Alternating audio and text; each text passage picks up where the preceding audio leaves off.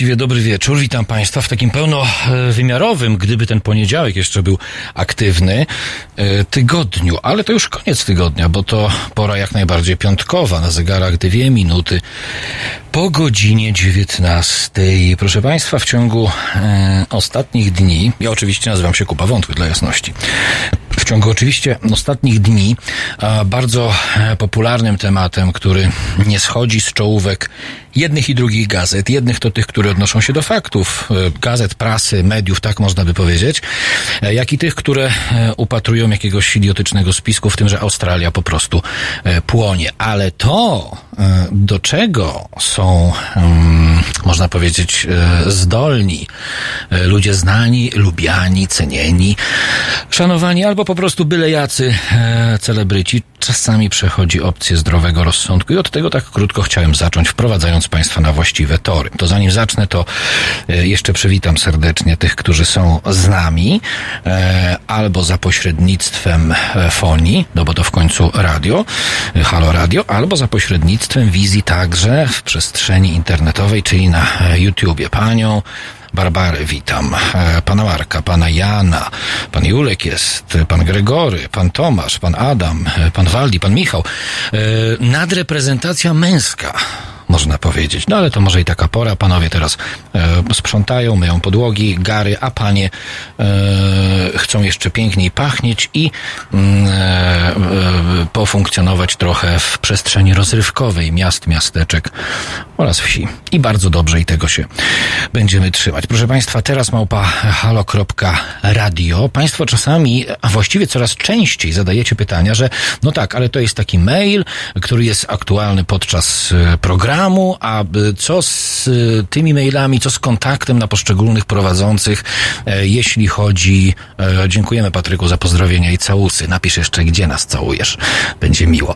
E, a Państwo bardzo często pytacie, jak się kontaktować z nami, z tymi, którzy tutaj mówią do mikrofonu. Witają się z Państwem raz w tygodniu, kilka razy w tygodniu, codziennie, proszę Państwa. Schemat jest ten sam. Nazwisko bez polskich znaków. Małpa halo.com radio. I teraz można sobie wybrać tak, jak absolutnie Państwo chcecie, żeby o każdej porze dnia i nocy móc napisać do swojej ulubionej prowadnicy albo ulubionego prowadzącego. Tak w zasadzie można powiedzieć. To jeszcze e, dodam tylko, mm, e, że takim najnowszym pomysłem, e, konkludując ten krótki, wstępny wątek dotyczący tragedii, jaka się dzieje w Australii, są, proszę Państwa, challenge zakupowe. Te challenge polegają na tym, że y, y, y, ktoś tam kogoś nominuje do czegoś, co sam robi.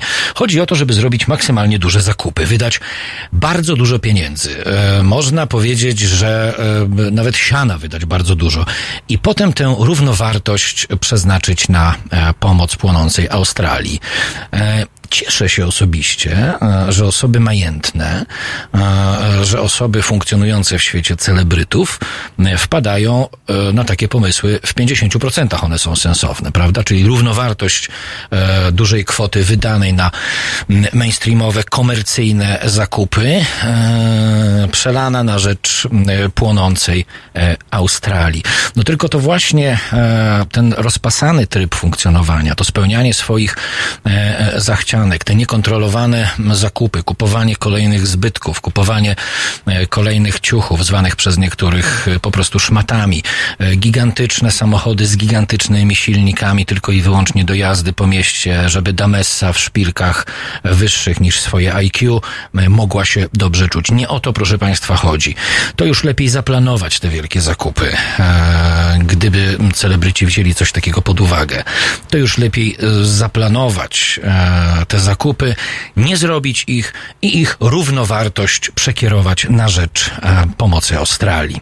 Teraz małpahalo.radio do 21 ten mail jest dla Państwa aktualny oraz 22 39 059 22 numer telefonu. Proszę Państwa e, i goście, e, bo to piątek w moim skromnym towarzystwie, ale przede wszystkim w towarzystwie gości. Już za chwilę połączymy się z panem doktorem Andrzejem Polaczkiewiczem, znanym Państwu ekonomistą, z którym od dawna mam przyjemność współpracować. To właśnie pan dr Andrzej Polaczkiewicz z zespołem i moim skromnym towarzystwem po raz pierwszy miarodajnie był w stanie mm, oszacować, ile nas Polaków kosztuje Kościół katolicki każdego roku, a to ponad 19 miliardów. I wtedy okazało się, kiedy okazało się, że to ponad 19 miliardów, okazało się, że oczywiście nie tylko to nie interesuje prawicy, nacjonalistów i faszystów, ale absolutnie nie interesuje to tak zwanych liberałów w naszym kraju, e, tak zwanych liberalnych mediów. Nie interesuje to kompletnie lewicy, e, bo jeśli e, jest temat Kościoła,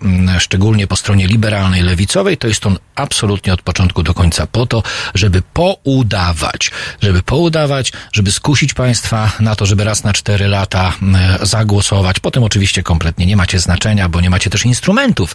Nie mamy instrumentów, żeby polityków rozliczać. Jeśli chodzi o fakty, to ani liberałowie, ani neoliberałowie, tak można powiedzieć, ani szeroko pojmowana tak zwana lewica nie są zainteresowani tym, żebyśmy przestali łożyć na Kościół. E, z perspektywy ponad roku, bo e, ponad rok temu dr Andrzej Polaczkiewicz podjął się e, e, takiego dookreślenia, właściwie określenia, bo nikt wcześniej tego nie zrobił, określenia, ile ten Kościół katolicki nas e, kosztuje, bo to było ponad rok temu. Może coś się zmieniło, może coś drga e, u podstawy, bo ta informacja jednak, no, mimo że niektórzy bardzo się starali, to jednak nie dało się jej zakopać na przestrzeni tego ponad roku. E, w Gdańsku doktor Andrzej Polaczkiewicz jest. Dobry wieczór, witam, doktorze. Witam serdecznie, witam pana, witam państwa. Ale panie Andrzeju, jest pan w Gdańsku, czy gdzie pan jest? Bo pan tak. Jest... Teraz jestem pod Warszawą. A, czyli nie w Gdańsku, a pod Warszawą. To ja zacznę tak od kwestii formalnej. Witam serdecznie, panie doktorze. Witam. Wiem, że jest pan niezwykle zajętą osobą, drogi panie Andrzeju, ale pamiętam, że się umówiliśmy, e, że dołączy pan do ekipy naszych felietonistów, którzy znajdą czas raz w tygodniu w swoim napiętym kalendarzu na to, żeby nas wszystkich cieszyć swoimi dwuminutowymi przemyśleniami. To jest aktualne nadal. Jest aktualne, aczkolwiek muszę powiedzieć, że w warunkach wyzwań, przed którymi stoję i polska gospodarka, my jako państwo, my jako społeczeństwo i w ogóle świat, podał Pan przed momentem e, tą sprawę, która wszystkich nas powinna bardzo poważnie zaniepokoić, jaką jest e, płonąca Australia powoduje to, że musimy się więcej wszyscy zacząć angażować w te wszystkie te problemy, nie tylko te bardzo lokalne, nie tylko te ogólnokrajowe, ale również i światowe. A jakby pan Jesteśmy widział... systemem naczyń, naczyń połączonych. Absolutnie tak. A jakby pan widział, panie Andrzeju, takich e, normalnych, skromnych ludzi, jak ja, jak e, państwo, którzy są naszymi słuchaczami, naszymi widzami, czy my mamy jakiś taki dość mocno przekładalny sposób na to, żeby nie udając, ale opierając opierając się na naszym faktycznym działaniu, powiedzieć sobie e, każdego e, wieczora, stając przed lustrem, tak, działam na rzecz planety, działam na rzecz świata, działam na rzecz tego, żeby to wszystko e, bardzo szybko się nie skończyło. Są takie działania? Możemy takie działania, działania Pana zdaniem podejmować na co dzień? No niestety y, działania takie możemy podejmować, tylko że y, to praktycznie mamy taką organizację, można powiedzieć, naszego życia społecznego, że prawem czy decyzją jest to, co podejmuje, y, co podejmuje władza. Mhm. Jesteśmy niestety w epoce decyzjonizmu. To jest taka zmiana troszeczkę, która nastąpiła w naszym kraju w ciągu ostatnich pięciu lat, gdzie od tych pewnych formuł, nazwijmy to demokratycznych, kiedy po prostu uzgadnialiśmy pewne rzeczy, też w sposób niedoskonały, ale zawsze, nasz system ewidentnie ewoluuje w kierunku decyzjonizmu prawem czy decyzją jest tylko to, co, co ogłosi władza. I co ciekawe, ta władza w coraz mniejszym stopniu pyta się obywateli, czy taką czy inną decyzję może podjąć. I to jest niestety niedobre. Dotyczy to również tego, nazwijmy to, aspektu stricte globalnego. Ciągle władza y, podejmuje decyzję, że musimy budować bloki energetyczne w oparciu o węgiel. Ciągle zwiększa import węgla, zwiększa import brudnej energii y, z, z zagranicy. Nie robi niczego, albo robi to w sposób bardzo spowolniony, aby y, po prostu zamienić tą niestety niebywale emisyjną gospodarkę w kierunku gospodarki zielonej, takiej, która będzie dla nas przyjazna. Władza na przykład zupełnie nie bierze pod uwagę takiego faktu, że promując te, nazwijmy to z powodów wyborczych albo i politycznych, te brudne e, kierunki e, naszego rozwoju gospodarczego, brudne w rozumieniu użycia oczywiście energii, która jest wysokoemisyjna, e, po prostu nie bierze pod uwagę to, że 50 tysięcy ludzi w Polsce umiera ze względu na smog. to jest nie koniec jakby tej całej historii. Władza nie potrafi też przełożyć tej szczegółowej decyzji, na przykład rozwoju przemysłu energetycznego, również na to, żeby system ochrony zdrowia uwzględnił ten fakt, że dobrze y, promujemy czy rozwijamy niestety nie bardzo można powiedzieć y, korzystne dla środowiska y, gałęzie gospodarki, ale z drugiej strony no, budujemy jakąś formę opieki zdrowotnej, która da tym ludziom jakąś szansę na dłuższe przeżycie. Tego nie ma. Mamy zwiększoną liczbę zgonów, mamy ba, nadumieralność nawet, to jest w ogóle zjawisko w ogóle nieznane we współczesnych, dzisiaj wysoko rozwiniętych krajach. Więc widać wyraźnie, że decyzjonizm, czyli bardzo mocne jakby przejęcie przez władzę publiczną wszystkich decyzji, skoncentrowanie w jednym ręku, w jednym centrum dowodzenia, przekłada się na to, że ludzie coraz mniej są pytani i na Pańskie pytanie odpowiadając, jakie my mamy szanse e, zrobienia coś dla globalnej tutaj e, struktury, no właśnie niestety te polskie szanse, bo tu patrzę tylko wyłącznie z punktu widzenia obywatela naszego kraju, y, po prostu są mniejsze, dlatego że władza nie daje tej szansy. Dobrze, a ja teraz będę, mm, zawsze mówię, adwokatem e, drugiej strony złej sprawy. Może będę trochę naiwny, ale mam nadzieję, że być może rozwieje pan moją naiwność, panie e, Andrzeju, bo mówimy o rządzących.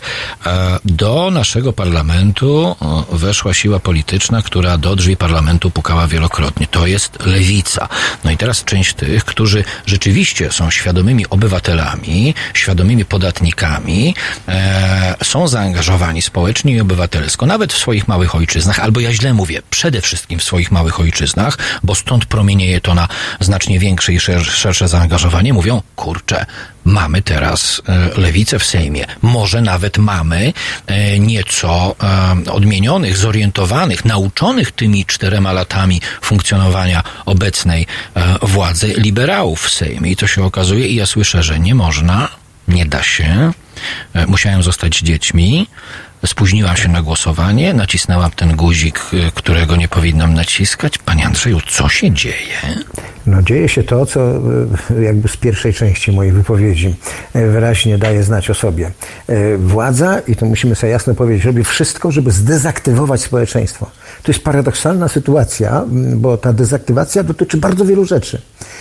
Zmniejszamy aktywność zawodową, zmniejszamy wiek emerytalny. Ba, emerytura pomostowa, taka powiedzmy sobie, nazwijmy to stażowa, którą prawdopodobnie będzie ona lansowana w kampanii prezydenckiej prezydenta Dudy, jeszcze bardziej zmniejszy, można powiedzieć, w ogóle czas pracy czy aktywność zawodową obywatela naszego kraju. Dla kobiet to będzie, ten finał może być na poziomie 53 lat życia, a dla mężczyzn 57 lat życia. Nigdzie tak nie jest na świecie. Wręcz przeciwnie, no właśnie. kraje wydłużają.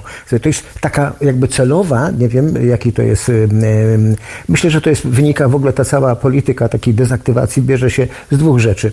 Takiej lepiej mieć człowieka jednak zdezaktywowanego, niezblokowanego w jednym miejscu, bo to się łatwiej łatwiej takim, e, takim zarządza. Jest drugi element, e, po prostu jakby władza źle odczytuje trendy, które są na świecie. Dzisiaj ageism, czyli krótko ludzie po 70, po 70, 80 roku życia, najzwyczajniej w świecie są czynni i aktywnie zawodowo, bo przesuwa się ta granica sprawności umysłowej, że dzisiaj 70-latek to jest sprawność 50-latka i w tym kierunku trzeba iść, biorąc pod uwagę, że jeszcze przy okazji ma się kryzys demograficzny, który w Polsce przekłada się na po prostu na brak zastępowalności pokoleń. Więc y, to jest, ta dezaktywacja jest jakimś, tak mi się wydaje, w, w ramach tej polityki decyzjonizmu jeszcze jest ta dezaktywacja społeczna i zawodowa.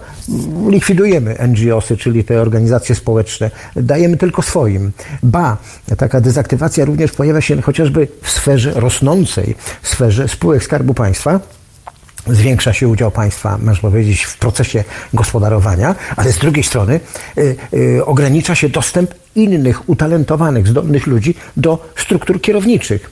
Możemy prześledzić, co się dzieje w ramach tak zwanego zasobu Skarbu Państwa, teraz zresztą umocowanego w postaci jednego ministerstwa y, z jednym super wicepremierem. Y, po prostu możemy to prześledzić z punktu widzenia tych personaliów, które tam się wkłada.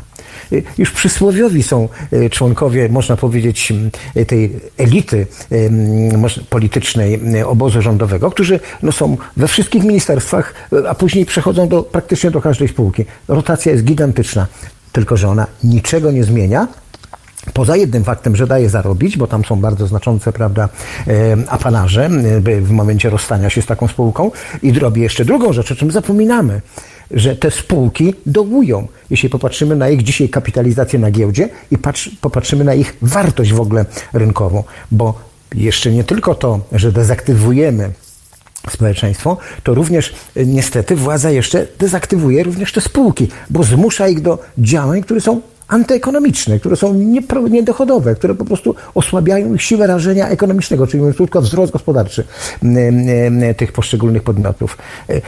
Jeśli do tego jeszcze dołożymy, że w ramach dezaktywacji zawodowej y, zmuszamy społeczeństwo do przyjęcia pewnego sposobu y, oszczędzania jednak na te bieda emerytury, no bo dezaktywacja zawodowa powoduje, że człowiek będzie pracował krócej, ale również wypracuje mniej pieniędzy na swoje, można powiedzieć, na swoją trzecią aktywność zawodową, ta, która będzie po okresie y, działalności zawodowej.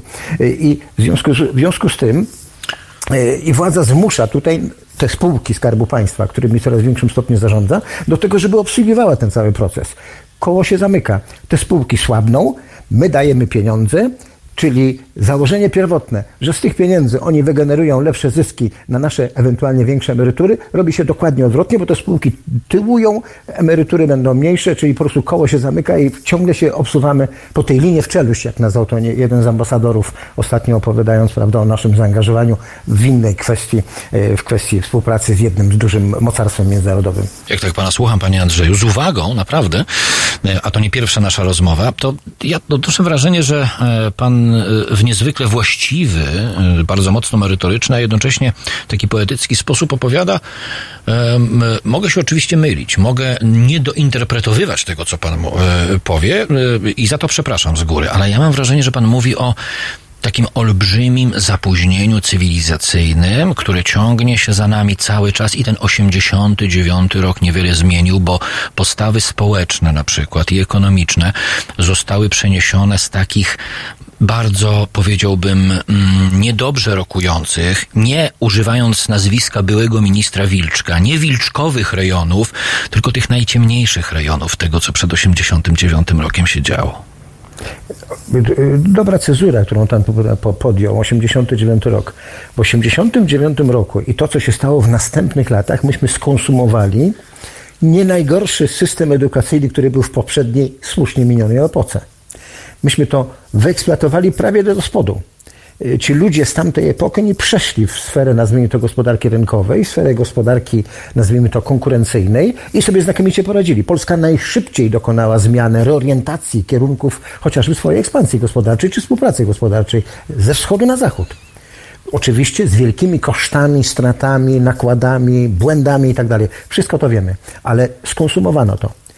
I dzisiaj po praktycznie rzecz biorąc, w 30 latach już tej, powiedzmy sobie, e, od tamtego okresu, tej transformacji, dopiero czytamy właśnie, że e, pan wicepremier Gowin mówi, że trzeba te uczelnie nasze, które tu funkcjonują tak, z, takim, z takim skutkiem na rynku, trzeba teraz je w kierunku instytutów badawczych, trzeba po prostu zrobić z nich bardziej, powiedzmy sobie, mobilne jednostki, zmniejszyć, odchudzić, e, trzeba spowodować, że zamiast tylko wyłącznie grantów na cele, powiedzmy sobie, nauk, nauk społecznych, powinny być granty również na cele nauk technicznych, gdzie w ogóle nie istniejemy w, w całej naszej przestrzeni, można powiedzieć, międzynarodowej z, z, z tym kierunkiem.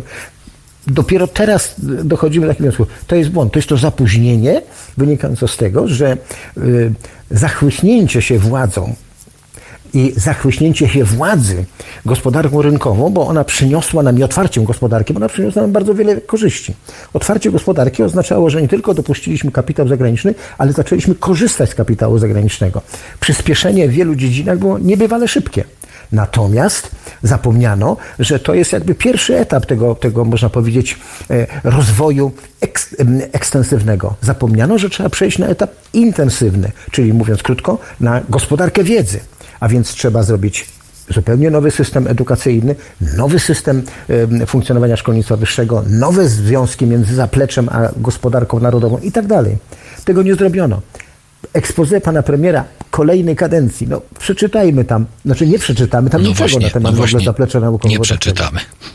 Nie przeczytamy. Tam w ogóle jakieś jest jedno zdanie, że szkoły zawodowe mają, zdaje się, odpowiadać potrzebom gospodarki narodowej. Tylko, że te szkoły po drodze wszyscy skutecznie likwidowali. Szkoły przyzakładowe, szkoły przysposobienia rolniczego, szkoły przysposobienia zawodowego, szkoły technikalne i tak dalej. Było likwidowane notorycznie.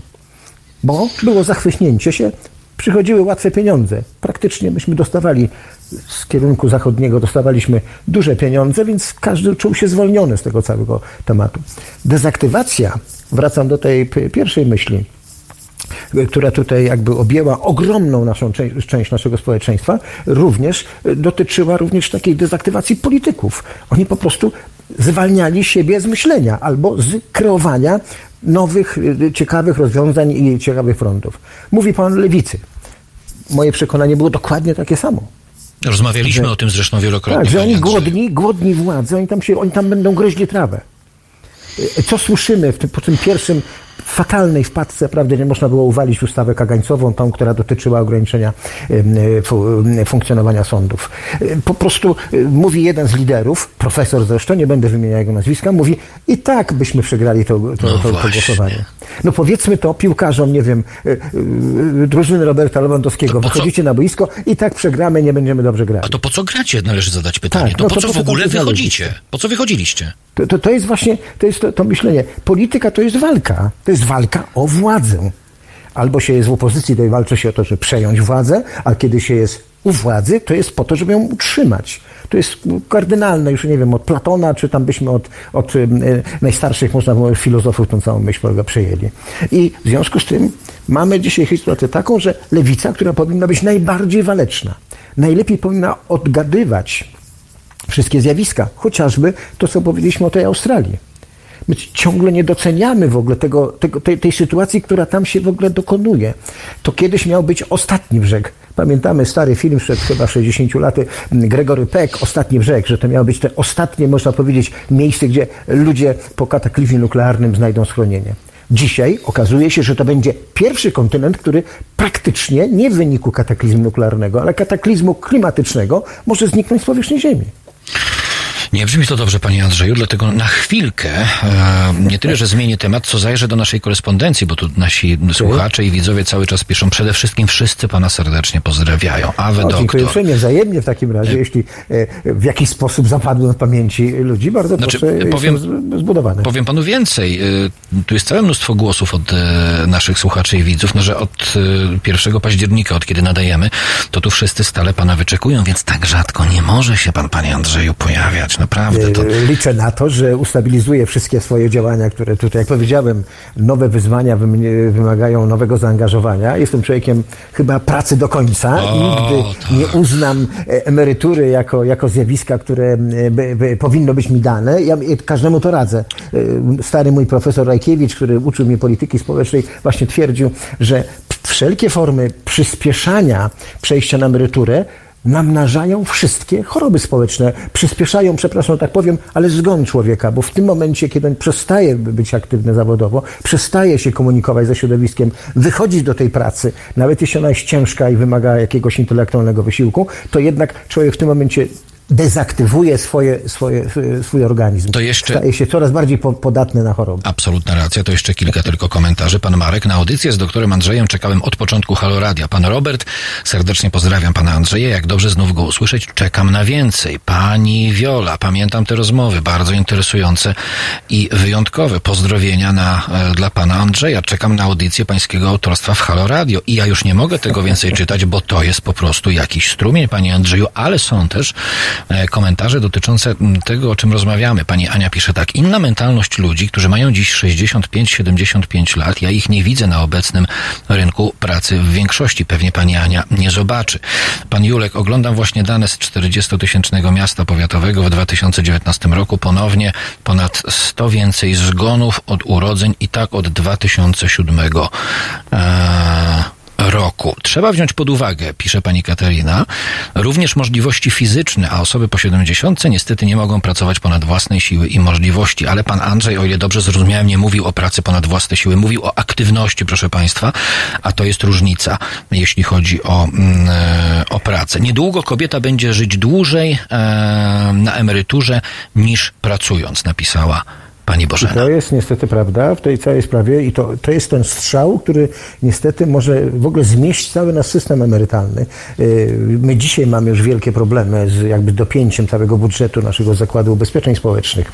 Y, Zresztą system ten wymyślony, umówmy się szczerze, w okresie późnego Gomułki, to, to był koniec lat 50., bo wtedy powstał w ogóle cały ten pomysł, prawda, tego typu jakby świadczenia y, emerytalnego, gdzie pracujący łożyli na niepracujących, tylko że wtedy proporcja między pracującymi a niepracującymi była jak 4 do 1. Dzisiaj już jest 2 do 1 i bardzo szybko zmierzamy do historii takiej, gdzie ilość pracujących będzie mniejsza od tych, którzy będą tylko świadczeniobiorcami. Bardzo niebezpieczna sytuacja i jeśli tego trendu nie odwrócimy y, w wyniku bardzo rozsądnej polityki społecznej, niebywale skomplikowanej i wielopoziomowej, nie takiej tylko, że tam damy komuś 500 zł i rozmnażajcie się tutaj prawda, ku, chwale, e, ku chwale ojczyzny, e, to po prostu e, niestety będziemy mieli do czynienia ze zjawiskiem zwijania się społeczeństwa. Do tego jeszcze nakładają się te negatywne zjawiska, pan powiedział przed momentem, gdzie mamy natumieralność mężczyzn w pewnym przedziale wiekowym i generalnie per saldo między zgonami a urodzinami mamy już coraz bardziej pogłębiający się wynik ujemny. No, 40 tysięcy istnień ludzkiej różnicy prawda, po stronie e, zgonów, czyli zwiększej ilości ludzi odchodzących, powoduje, że ilość mieszkańców na, w Polsce się zmniejsza. To tworzy oczywiście nowe wyzwania robotyzacja, technicyzacja, ale również nową politykę imigracyjną. No, trzeba po prostu tę dziurę, która pojawia się tutaj, trzeba po prostu w jakimś sensie zasypać. Ja powiem panu tak już na koniec, żeby to nie, nie, nie wygląda to w piątek, może nie, nie, nie potrzeba takich tutaj e, takich hiobowych informacji, ale dzisiaj już my mamy brak około 5 milionów ludzi. Nie chcę tu żadnych e, historycznych tutaj jakichś analogii, prawda, pokazywać, ale to ciekawe, że Hiszpania z podobnym potencjałem, wchodząc do Unii Europejskiej, zwiększyła liczbę swoich mieszkańców z 40 milionów do 46. Polska wchodząc z podobnym potencjałem em, em, em, mieszkańców zmniejszyła, będąc w Unii Europejskiej, swój potencjał m, mieszkańców, bo dzisiaj mamy 38,5 miliona ludzi, których możemy uznać, że to są obywatele polscy. Więc w związku z powyższym y, mamy historię taką, że idziemy zupełnie w odmiennych kierunkach. Podobne kraje, podobna wielkość, podobna struktura, podobna tradycja, kraje katolickie w jednym, drugim przypadku. A mimo to przekłada się to zupełnie na inne tendencje demograficzne. To ciekawe.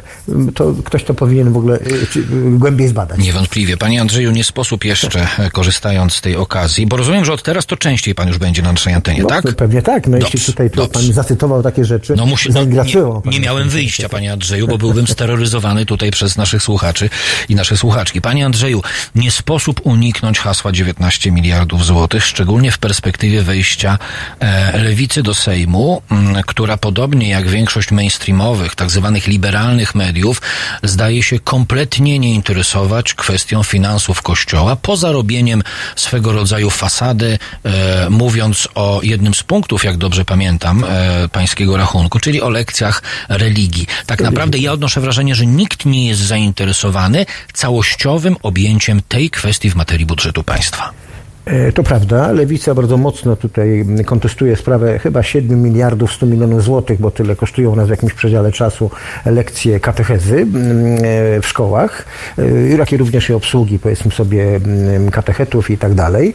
E, Natomiast nikt nie podejmuje całościowego tutaj podjęcia tej całej sprawy. To prawda, ja tu chcę powiedzieć, że życie e, ponieważ to o, tym, o tych 19 miliardach mówiliśmy dużo wcześniej, więc życie jest bardzo dynamiczne, również i to dotyczy naszego kraju i również tego, co się dzieje w materii gospodarczej.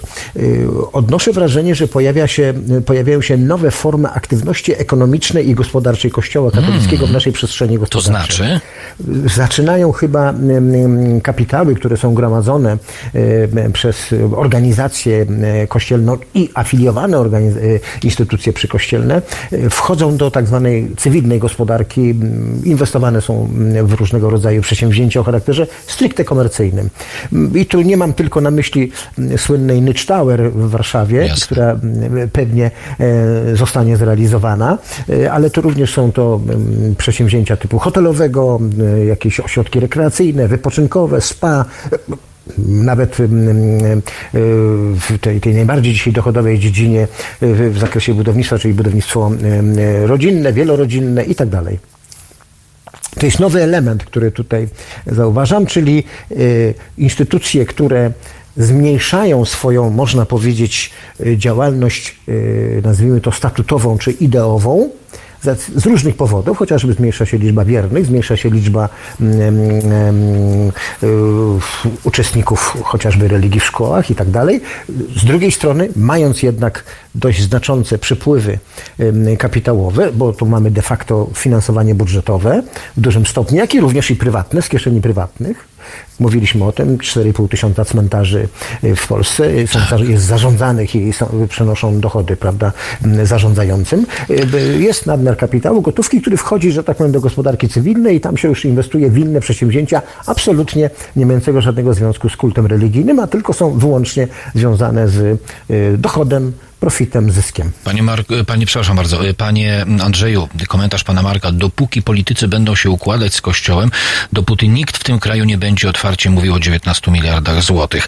E, muszę i państwu, i panu d, d, przypomnieć, panie Andrzeju, że e, i w tamtej kadencji, i w tej, która już się rozpoczęła, e, jest jedna jedyna posłanka, która powołuje się na pańskie, z moim skromnym udziałem wyliczenia. To jest posłanka Schering-Wielgus. E, ona otwarcie na te wyliczenia już wielokrotnie się e, powołała. E, tymczasem no, cały czas jesteśmy w sytuacji, w której e, lewica absolutnie nie chce o załatwieniu tej sprawy słyszeć. Ja mam pytanie, które nawiązuje do tych pieniędzy. Panie Andrzeju, mm, przed 89 rokiem tuż ówczesne E, rządy, ówczesna administracja podjęły decyzję o zwrocie e, mienia kościelnego i e, przez dalsze 30 lat do teraz wszystkie kolejne rządy, oddając Kościołowi to nieruchomości, to ruchomości, zawsze powołują się na te przepisy, mówiąc, że nie mają wyjścia, bo robią zgodnie z prawem. Ale z drugiej strony nie było ani jednej administracji po roku 89, która powiedziałaby, hola, czas zmienić te przepisy. E, historycznie rzecz ujmując, rzeczywiście e, przepisy o zwrocie mienia zrobiła jeszcze poprzednia władza, bo to był maj 89 roku. Tuż przed Słabnąca wtedy władza komunistyczna w Polsce prowadziła uporczywe, ale mm, długotrwałe rozmowy z episkopatem słabnąca ówczesna władza coraz więcej dokładała y, Kościołowi, licząc na to, że on wesprze ją w nowych, zmienionych już okolicznościach politycznych. W konsekwencji y, no, doszło do historii takiej, że y, nastąpiła, nastąpiło powołanie komisji majątkowej, pamiętamy tą całą sprawę, nadużycia, które tam miały miejsca, ogromny przepływ, można powiedzieć, majątku, przede wszystkim nieruchomego do Kościoła katolickiego. W pewnym momencie wyliczaliśmy to, że to było gdzieś na poziomie już prawie 200 tysięcy hektarów, które były we władaniu w ogóle organizacji kościelnych i afiliowanych przy kościele organizacji y, gospodarczych. Mogę tu poinformować, że, że ciągle wracam do tej tezy, że życie rzeczywiście biegnie bardzo szybko i ciągle nowe zjawiska się pojawiają również w przestrzeni gospodarczej. Kościół w ciągu ostatnich pięciu lat zwiększył swój stan posiadania o kilkadziesiąt tysięcy hektarów następuje ciąg dalszy, mimo że już nie istnieje komisja majątkowa. Mimo, że tak, to, całe mnóstwo, było... wejdę panu w słowo, co jakiś czas dochodzą oczywiście do nas wiadomości o tym, że kolejne miasto, miasteczko, kolejny samorząd e, przekazał Kościołowi za symboliczną wartość taką nieruchomość Niebywale korzystne działki, które, tak. o których e, ciekawość polega na tym, ciekawostka polega na tym, że po prostu my później nie śledzimy losów e, tych działek. One często zmieniają bardzo szybko właściciela, przychodzą do, do prywatnych rąk, do deweloperów, do ludzi, powiedzmy sobie, industrial investment, czyli krótko powiedziawszy, one y, bardzo szybko są komercjalizowane albo monetyzowane, jakbyśmy to ładnie powiedzieli. Rzecz jest inna. Ponieważ jest ta, wracam do tej myśli, że jest ta dynamika w życiu gospodarczym, sądzę, że chyba jest taka potrzeba, nie mówię tutaj to po swoim adresem, ale że powołania, powiedzmy sobie, jakiejś grupy, może zespołu takiego e, roboczego, czy powiedzmy sobie warsztatowego, który próbowałby stworzyć jakąś metodę wyliczenia jednak całokształtu w ogóle majątku będącego dzisiaj w zarządzie Kościoła katolickiego i spróbować w jakiś sposób to wszystko ucywilizować. A wie pan, panie Andrzeju, co ja słyszę słyszałem e, prywatnie w kuluarach, tu bez powoływania się na nazwiska, bo to nie ma sensu żadnego, od osób, które e, albo bardzo blisko obserwowały, albo były zaangażowane w projekt mapy e, dotyczącej pedofilii w Polsce. E, one niedosłownie, tylko to, co mówią, sprowadza się na pewnym etapie do e, takiej oto konstatacji, że o tej pedofilii wśród e, duchownych jest łatwiej mówić, bo jak się zaczyna mówić o pieniądzach, to ludzie zaczynają umierać. Jak się zaczyna mówić o kościelnych pieniądzach, to na świecie ludzie zaczynają umierać. Tylko, że mamy pewną szansę, taką trochę nie, nietypową, biorąc pod uwagę rolę i znaczenie Kościoła katolickiego w ogóle w naszym życiu społecznym, w historii. Em, Możemy to porównać tylko wyłącznie do roli Kościoła katolickiego w Hiszpanii. Zdaje się, że to jest jakby taki nasz odpowiednik, ale również stamtąd płyną pewne ostrzeżenia. Hiszpania dzisiaj jest najbardziej zlaicyzowanym krajem na świecie. Tam doszło do, po pierwsze doszło do rewolucji proboszczów, tak? To oni obalili tamten wredny system, który był Francisco Franco, tak? Praktycznie rzecz biorąc, z jego śmiercią doszło do tej wielkiej rewolty, gdzie Kościół katolicki, ten niższego szczebla, odegrał ogromną, pozytywną rolę. Musimy to sobie jasno powiedzieć i oczywiście z konsekwencjami dla tego Kościoła w postaci ogromnej laicyzacji całego życia, e, życia społecznego w Hiszpanii. Dzisiaj możemy powiedzieć, że tam już zupełnie jest kompletnie rozstanie społeczeństwa z religią katolicką. My mamy natomiast inną sytuację, która i również musimy wziąć to pod uwagę. To może być sytuacja podobna do, nie wiem, do Zakładu Ubezpieczeń Społecznych, gdzie e, błędne decyzje przyspieszające przejście ludzi na emeryturę, niewypracowane o, określone środki na cele te, powiedzmy, emerytalne, powodują, że ten cały balon w postaci długu tego ukrytego, który mamy, który dzisiaj szacujemy już na poziomie 6 bilionów złotych, e, po prostu rośnie. E, Tak samo tu. E, Nadając Kościołowi ogromne beneficja, ogromne latyfundia, ogromne możliwości, można powiedzieć, gospodarcze, jak i również ru- ruchome w postaci obiektów sakralnych kościołów całego zaplecza, budynków, szkół i tak dalej, i tak tworzymy również pewien problem, który może lada moment powstać, bo jeśli się zmniejsza liczba wiernych, kto obsłuży w takim razie e, e, istniejącą, że tak powiem, infrastrukturę. Już dzisiaj mamy, nie mówimy z jakiego miasta, ale płyną te błagalne ciągle, prawda, tam żądania, dajcie więcej, dajcie więcej, dajcie więcej, bo strukturę, którą y, y, jakby, którą wy- wy- wyposażyliśmy organizację kościelną, ona jest dzisiaj tak duża, że ona wymaga dzisiaj prawie że systematycznej stałego, systematycznego stałego dopływu gotówki z budżetu państwa. Panie Andrzeju, Charlie pisze tak, ale Hiszpanie, Irlandczycy potrafili powiedzieć dość. Polacy tego nie potrafią. Ja myślę sobie tutaj taki imposybilizm, tak? To też, tu już klasyka cytuję, to nie jest moje, Jasne. który mówią o tym imposybilizmie, że tu jakby rzeczywiście my mamy pewną skłonność, tu historycznie możemy troszeczkę powiedzieć, ja sobie ostatnio dość mocno zainteresowałem życiem gospodarczym, powiedzmy sobie i w, w zaborach, i w okresie powiedzmy nawet okupacji prawda, tutaj w Polsce i co się okazuje, Polacy mają taką pewną skłonność szybkiego urządzania się, e, można powiedzieć, w warunkach ekstremalnych. Tak byśmy to najładniej e, to nazwali. Kisiel kiedyś, o też tym, Kisiel kiedyś o tym ładnie napisał. tak jest. My dzisiaj też takie zjawisko zaczynamy obserwować. Nawet niektórzy już mówią, coraz większe autorytety są z nami, idą do nas i tak dalej, nam tutaj wspierają i tak dalej. Może tacy ludzie są. E, Ja tego tak nie zauważam, ale tak się mówi. Więc mamy taką skłonność. Ale to się odbywa tylko wyłącznie do czasu. Ja chcę powiedzieć, że e, w Polsce zmiana ustrojowa zaczęła się w 1956 roku. Praktycznie 33 lata trwał okres, można powiedzieć, przekształcania świadomości społecznej w kierunku tego, co zrobiliśmy później w 1989 roku, kiedy ten, ten wielki festiwal, można powiedzieć, em, Solidarności em, przejął w końcu władzę. Więc e, to, nie jest taki proces nagły, także tutaj proszę tego słuchacza w jakiś sposób mogę uspokoić, że e, polega to na tym, że e, e, ten proces będzie się w Polsce e, jakby systematycznie namnażał. Ja jedną rzecz tu mogę taką powiedzieć o nas samych dobrze. E, Polacy wbrew pozorom jest to dość wyrozumowany i bardzo racjonalny naród, tak bym to nazwał. Przypominamy tu sytuację, kiedy pani Olga Tokarczuk dostała Nobla, jaka po, po, pojawiła się wrzawa po prawej stronie sceny politycznej, e, gdzie po prostu wręcz zaczęto ją tam prawie od czci i wiary prawda, odsądzać. Zupełnie niesłusznie. Nie rozumie się tutaj jednej bardzo prostej zależności. Nie, nie będziemy mieli Nobli w zakresie nauk technicznych, nauk ścisłych, jeśli nie będziemy wcześniej mieli Nobli z nauk właśnie z literatury i nauk społecznych. Najpierw pan musi stworzyć ideę, które gdzieś tam sobie krążą, prawda, głęboko, prawda, ponad naszymi głowami, a później się pojawią ci nobliści, których nie mamy do dzisiaj. Y, nobliści z dziedziny nauk ścisłych i nauk technicznych. Pani Olga Tokarczuk, y, ona po prostu wyrąbuje właśnie ten, ten, tą, tą właśnie ścieżkę.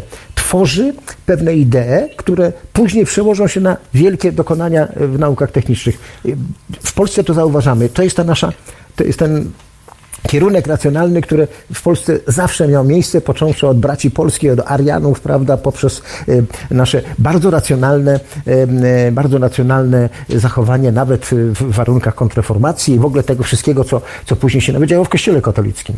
Także jesteśmy racjonalni. Wierzę w to bardzo i kiedyś, prawda, ta, ten, ten, ten, ten umysł, czyli ta racjo zadecyduje o tym, że staniemy się bardziej nowocześni, progresywni, a przede wszystkim będziemy widzieli nie tylko siebie, ale wszystko, co nas otacza. No to jak życzenia, drogi panie Andrzeju. Ostatnie pytanie, e, bo zostanę tutaj po prostu rozstrzelany i spacyfikowany. Panie Andrzeju, dużo mówiliśmy w przeciągu ostatnich właściwie dwóch lat o tym narastającym, nieuchronnym kryzysie ekonomicznym i teraz często czytam różnego rodzaju opinie mniej lub bardziej zaangażowanych osób, które piszą tak. Kryzys nadejdzie i on nadejdzie gdzieś w okolicy, mocno tutaj nad Wisłą, mocno w okolicy połowy kadencji Prawa i Sprawiedliwości. To prawda, Pana zdaniem? To jest prawdopodobne? Znaczy my dzisiaj już mamy ewidentne, powiedzmy sobie, potwierdzone, powiedzmy sobie, zjawiska kryzysowe rosnąca inflacja. Wprawdzie GUS nas tutaj tylko wyłącznie szacuje na 3,4%, ale my jesteśmy przed jeszcze bardzo ważnym, że tak powiem, skokowym wzrostem cen energii elektrycznej, który y, może zmienić jeszcze bardziej ten wskaźnik w kierunku nawet 5, 7, 8%, jeśli chodzi o inflację liczoną rok do roku. To jest pierwsze. Mhm. Jest to zjawisko inflacyjne. Jest drugi element.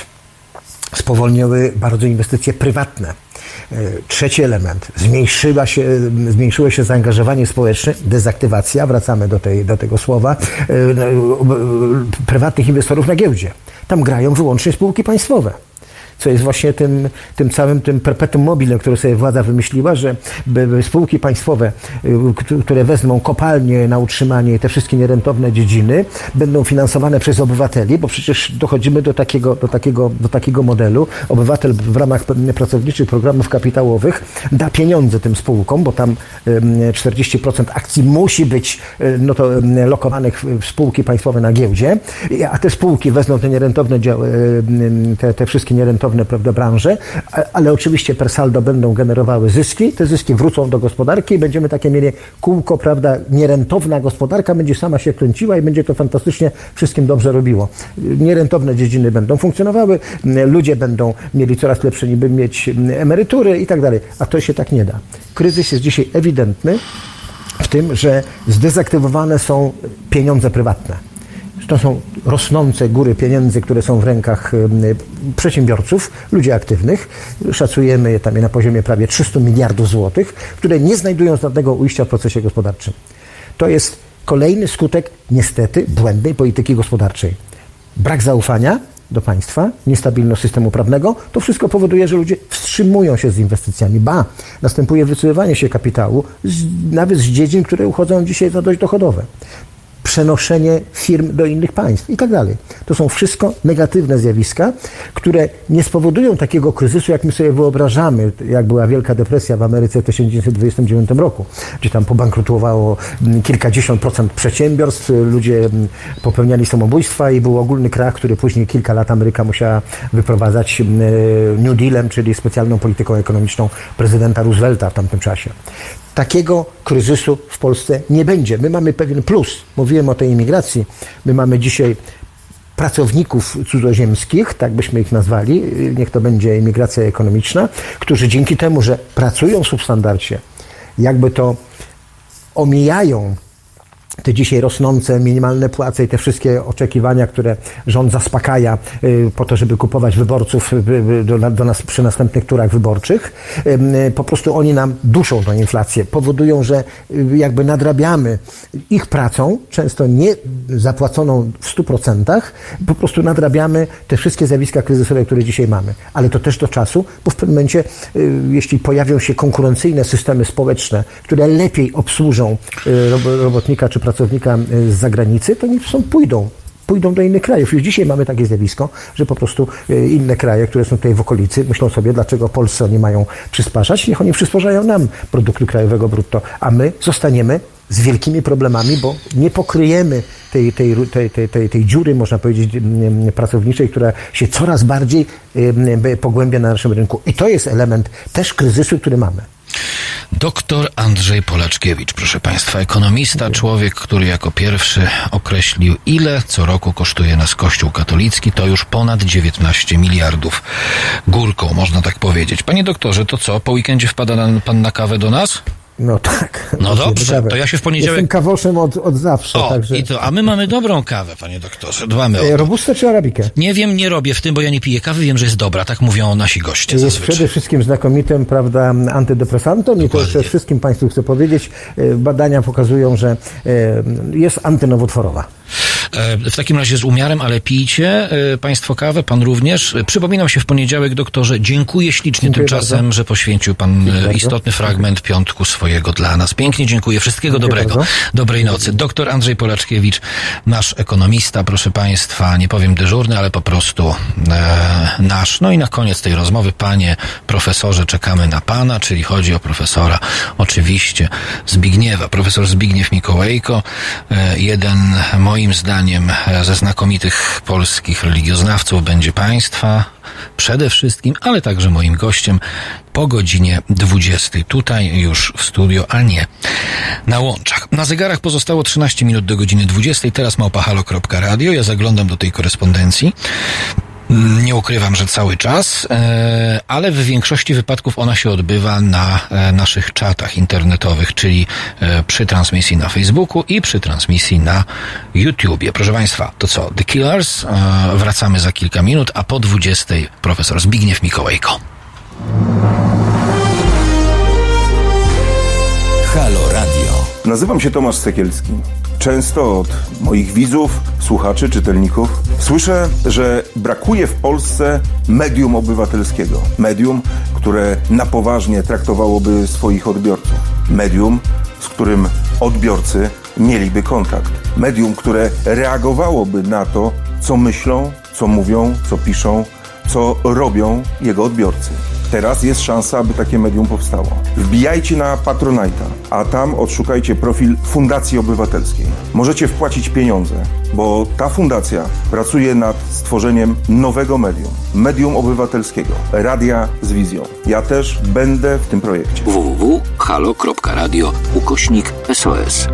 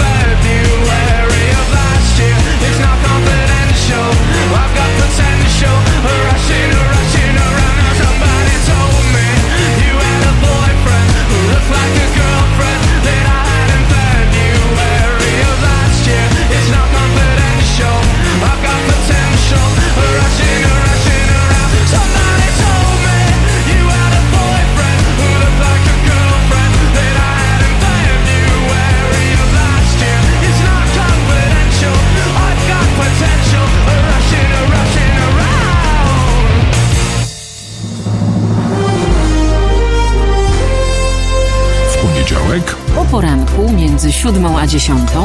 Budzi Państwa dziennikarz i aktywista obywatelski Roman Kurkiewicz, którego serce od samego rana bije po lewej stronie.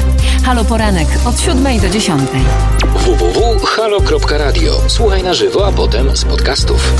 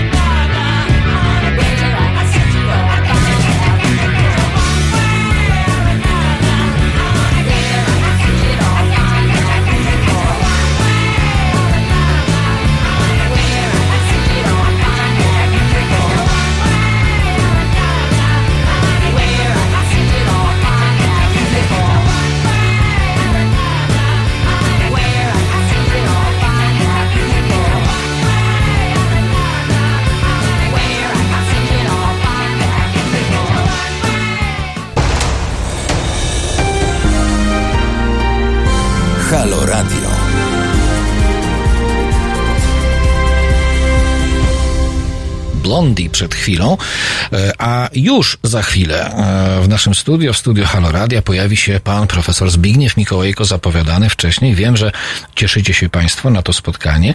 Ja również razem z wami, e, a tymczasem e, zejdziemy do takiej piwnicznej otchłani, czyli na moment do a, polskiej polityki, a raczej braku tej polityki, do kompletnie bezmyślnego, e, można by z wysoka powiedzieć, a intelektualnego działania. Pewnie już państwo o tym wiecie. W czwartkowym głosowaniu nad nowelizacją ustawy o radiofonii i telewizji oraz ustawy o opłatach abonamentowych, która przewiduje wprowadzenie rekompensaty w łącznej wysokości prawie 2 miliardów złotych w 2020 roku dla TVP i Polskiego Radia w związku z utraconymi wpływami.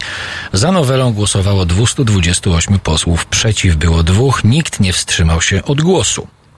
W głosowaniu nie wzięli udziału posłowie opozycji, oprócz dwóch posłanek z Koalicji Obywatelskiej Iwony Śledzińskiej-Katarasińskiej i Małgorzaty Tracz, które zagłosowały przeciw. Mieliśmy być przeciw, a wtedy, gdy byłam na mównicy, koledzy się zorientowali, że jest możliwość zerwania kworum. Ta informacja nie zdążyła jednak do mnie dotrzeć. Powiedziała Śledzińska-Katarasińska, gdybym wiedziała, że nie głosujemy, to bym nie zagłosowała. Nie zagłosowała. Tak powiedziała. Między innymi Śledzińska Katarasińska. Proszę Państwa, to jest tylko kolejny przykład na to, jak bezmyślnie mm, politycy, akurat w tym wypadku tak zwanej opozycji sejmowej, podchodzą do swojej pracy. E, Gdyby mm, na przykład e, w zupełnie innej pracy, nie będę się posługiwać konkretnymi przykładami, tylko powiem w skrócie o mechanice. Gdyby na przykład w innej pracy e, pracownicy dopuszczali się takich, niektórzy powiedzą, pomyłek, niedopatrzeń, błędów, to po prostu lądowaliby na bruku. Tymczasem niestety smutek ogarnia mnie wielki, bo okazuje się, e, że w systemie parlamentarnym w Polsce nie mamy żadnej możliwości odwołania ani Śledzińskiej, Katarasińskiej, ani Tracz, e, ani ludzi, których znam i których bardzo ceniłem, czyli profesora Macieja Gduli, za to e, absolutnie irracjonalne tłumaczenie się Dlaczego to nie było go na głosowaniu? Proszę Państwa, czy politycy w takiej sytuacji ponoszą jakiekolwiek konsekwencje? Ktoś powie, tak, no, zabiera im się z tej diety e, tysiąc e, złotych, no to zostaje im dziewięć, proszę Państwa, e, jeszcze, tak naprawdę. A więc e, niestety stosunek polityków szeroko pojętej opozycji do mm, sprawowania mandatu posła e, jest stosunkiem bardzo złym, bardzo niedobrym, bardzo zepsutym i bardzo odrealnionym nie traktują e, sprawowania tego mandatu jak obowiązku wobec szerokich mas wyborców, a jeśli już to tych wyborców po prostu traktują jak kompletnych idiotów, którym można śmiać się w twarz albo sprzedać im równie idiotyczne tłumaczenie, jak samemu idiotą się w pewnych sytuacjach jest. To wszystko Niestety, proszę Państwa, pojawia się istotne pytanie.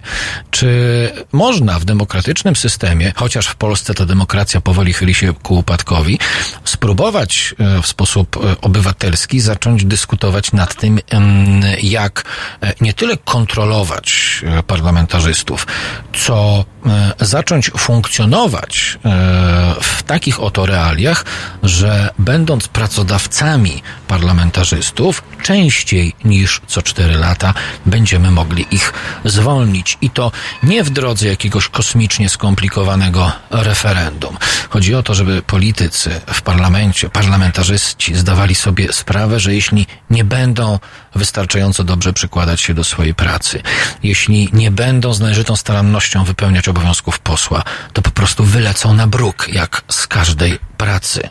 E, Być może ten, kto trafi na ich miejsce, e, będzie dwa razy się zastanawiał, zanim czegoś nie usłyszy, zanim nie zatrudni e, z odpowiednim wyprzeceniem opie, opiekunki do dzieci lub będzie na tyle nierozgarnięty, żeby nacisnąć przycisk nie, kiedy ma nacisnąć tak i odwrotnie. E, powinno to tak działać, tymczasem, proszę Państwa, jak wiele rzeczy od 30 lat tak nie działa, dlatego uprawianie polityki w Polsce nie jest żadną misją publiczną, nie jest czynieniem dobrze obywatelom, e, nie jest działaniem absolutnie nastawionym e, na profity, e, można powiedzieć górnolotnie i być może naiwnie e, e, duszy, a nie te związane z pieniędzmi.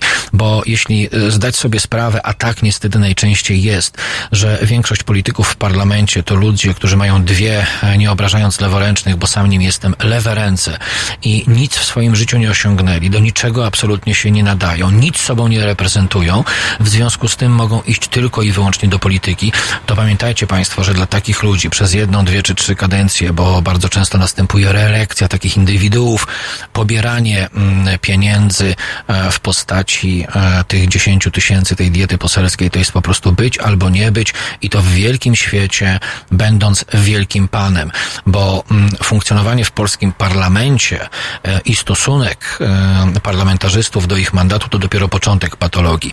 Potem ci biedni nieudacznicy zostają najważniejszymi ludzi w, ludźmi w kraju i to jest dopiero prawdziwa e, tragedia. No cóż, Ale to e, nie będzie żadną tajemnicą, kiedy po raz kolejny powiem, że e, ci politycy to jest krew, krwi i kość z kości naszej. Dopóty, dopóki my obywatelsko nie dojrzejemy, dopóty, dopóki my nie będziemy obywatelsko sami przed sobą, drodzy Państwo, odpowiedzialni, to niestety w tej materii nic się nie zmieni. I między innymi po to właśnie jest Halo Radio, pierwsze w Polsce medium obywatelskie, które w całości utrzymywane jest z Państwa datków. Tak więc, e, jeżeli ktoś nie poczuwa się, a słucha, to dobrze.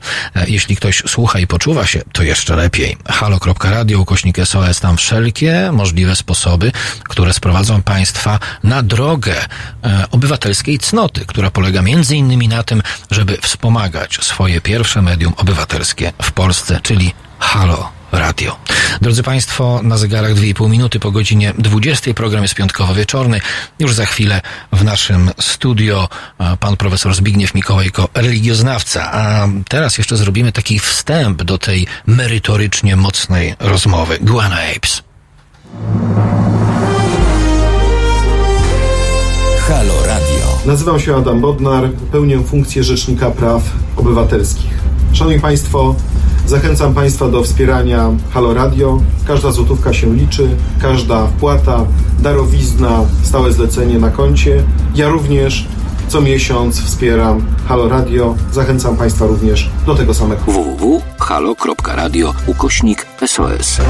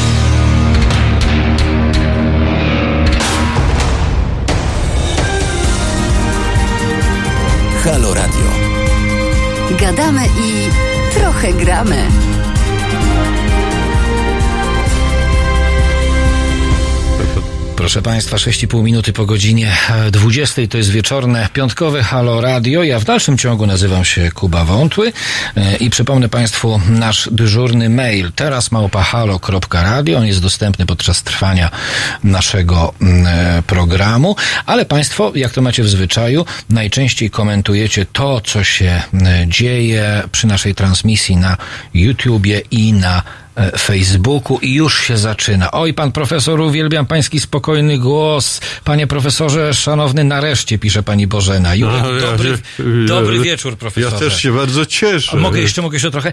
Witam pana profesora, ale niespodzianka. Witam i pozdrawiam pana profesora No ja Zbyszka. ści, ściskam, ściskam Państwa najserdeczniej. To jest mój debiut.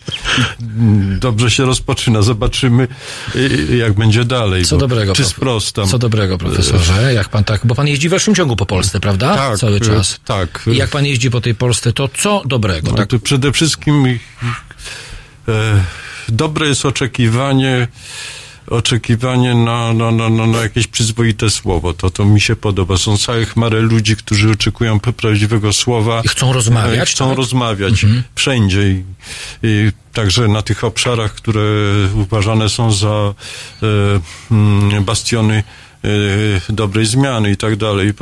To Polska mimo wszystko nie jest e, jednorodna, wszędzie nie jest jednorodna, także spotykam rozmaitych ludzi i przede wszystkim ludzi zatroskanych, to też jest dobre.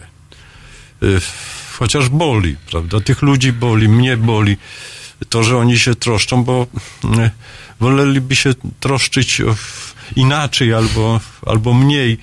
E, Także mm, w tym wszystkim jest e, zaniepokojenie ogromne.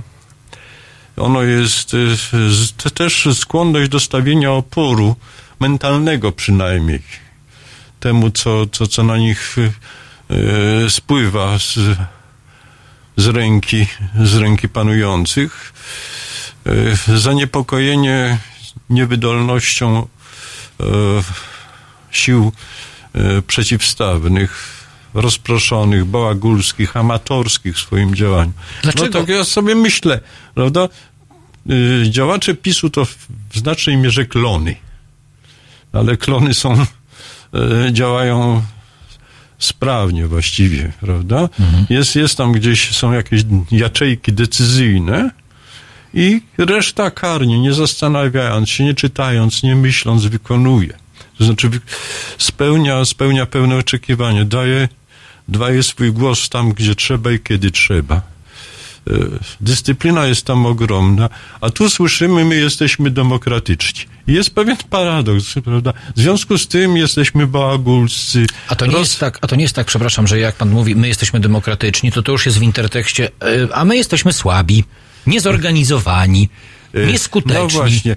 Tylko to mówienie, my jesteśmy demokratyczni, oznacza, że mm, swoim, po swoim, po, e, swoim działaniem, tym bałagulstwem, tym nieodpowiedzialnością od czasu do czasu, em, olewaniem różnych, przepraszam za to, za kolokwializm, rzeczy sprzyjamy siłom niedemokratycznym. Prawda? E, Żyjemy w czasie, który jest czasem próby czasem e, dramatycznym, bo to widzę, właśnie pan mówił o tym jeżdżeniu. E, Żyjemy w czasie, w którym miliony ludzi, tysiące wyczekują czegoś innego, prawda? E, Jakiejś, e, jakiejś kontrpropozycji. Nie na takiej zasadzie, a my jesteśmy przeciw, a my jesteśmy inni, a my jesteśmy lepsi. A my jesteśmy szlachetniejsi. Lewica jest piękna, e, a matka Platforma jeszcze piękniejsza, albo na odwrót, prawda? A PSL to już w ogóle cudo, e, cudawianki. E, Natomiast no, chociażby sprawa sądownictwa. E, Nie jest tylko tak, że trzeba się sprzy... znaczy trzeba się sprzeciwiać temu, co robi, co robi PiS z sądami, co usiłuje zrobić przy oporze sędziów. Ale nie miałby takiego pola działania i takiego przyzwolenia społecznego, gdyby, hmm, hmm, gdyby tak naprawdę w tym sądownictwie wszystko, mówię rzecz niepopularną, bo prawda, wszyscy jesteśmy zaangażowani w obronę zasad e, związanych z, z, z prawem i sprawiedliwością. E, Nie chcielibyśmy, żeby urągało to wszystko e, w, filozofii, etyce, normom prawa, które są właściwe dla naszej europejskiej tradycji. Ale z drugiej strony jest, jest cała chmara dramatycznego badziewia w polskim sądownictwie. Mówię to otwarcie, nieodpowiedzialności, dramatycznych wyroków.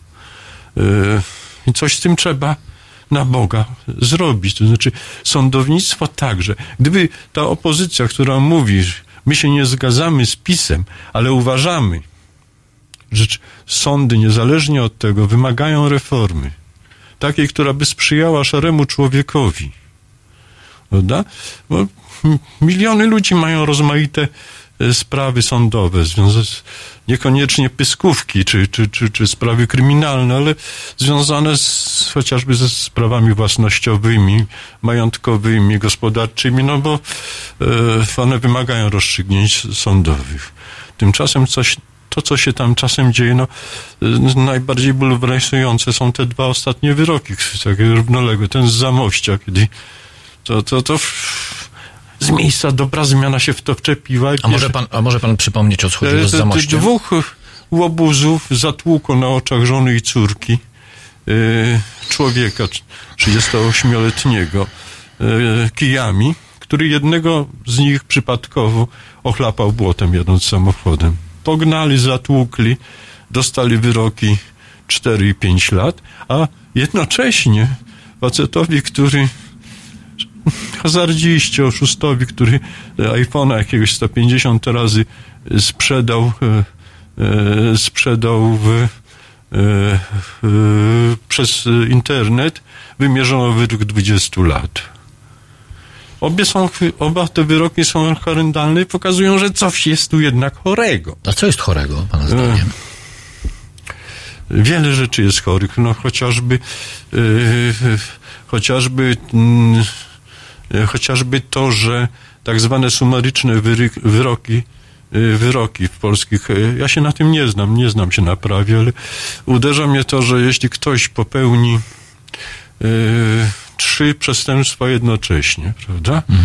Yy, pobije kogoś, w, dokona włamania rozboju, wcześniej, tak, na przykład, no. rozboju, e, ukradnie jednocześnie, to e, dostaje te, ta sumaryczność, to sumowanie polega na tym, że dostaje e, e, wyrok za jedną z tych spraw, e, z tych, za jedno tylko z tych przestępstw, podczas gdy popełnił je trzy.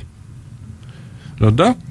E, Z kolei no, e, albo niezwykła biurokratyczność. Ja miałem tylko jedno, jedno doświadczenie i ciągle je przywołuję w takich sprawach. Ono było wymowne.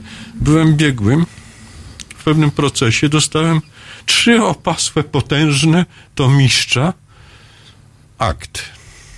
To była e, sprawa obrazy uczuć religijnych.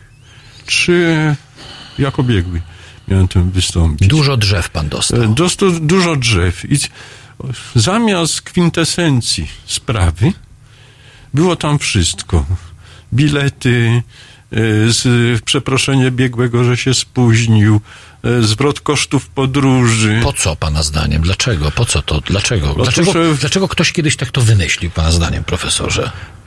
No więc myślę, że, że wzięło się to z takiej nadmiernej, to jest e, ciążenie, powiedziałbym, z epoki komunizmu, kiedy sądownictwo e, było nadmiernie ostrożnie, ostrożne, ostrożne.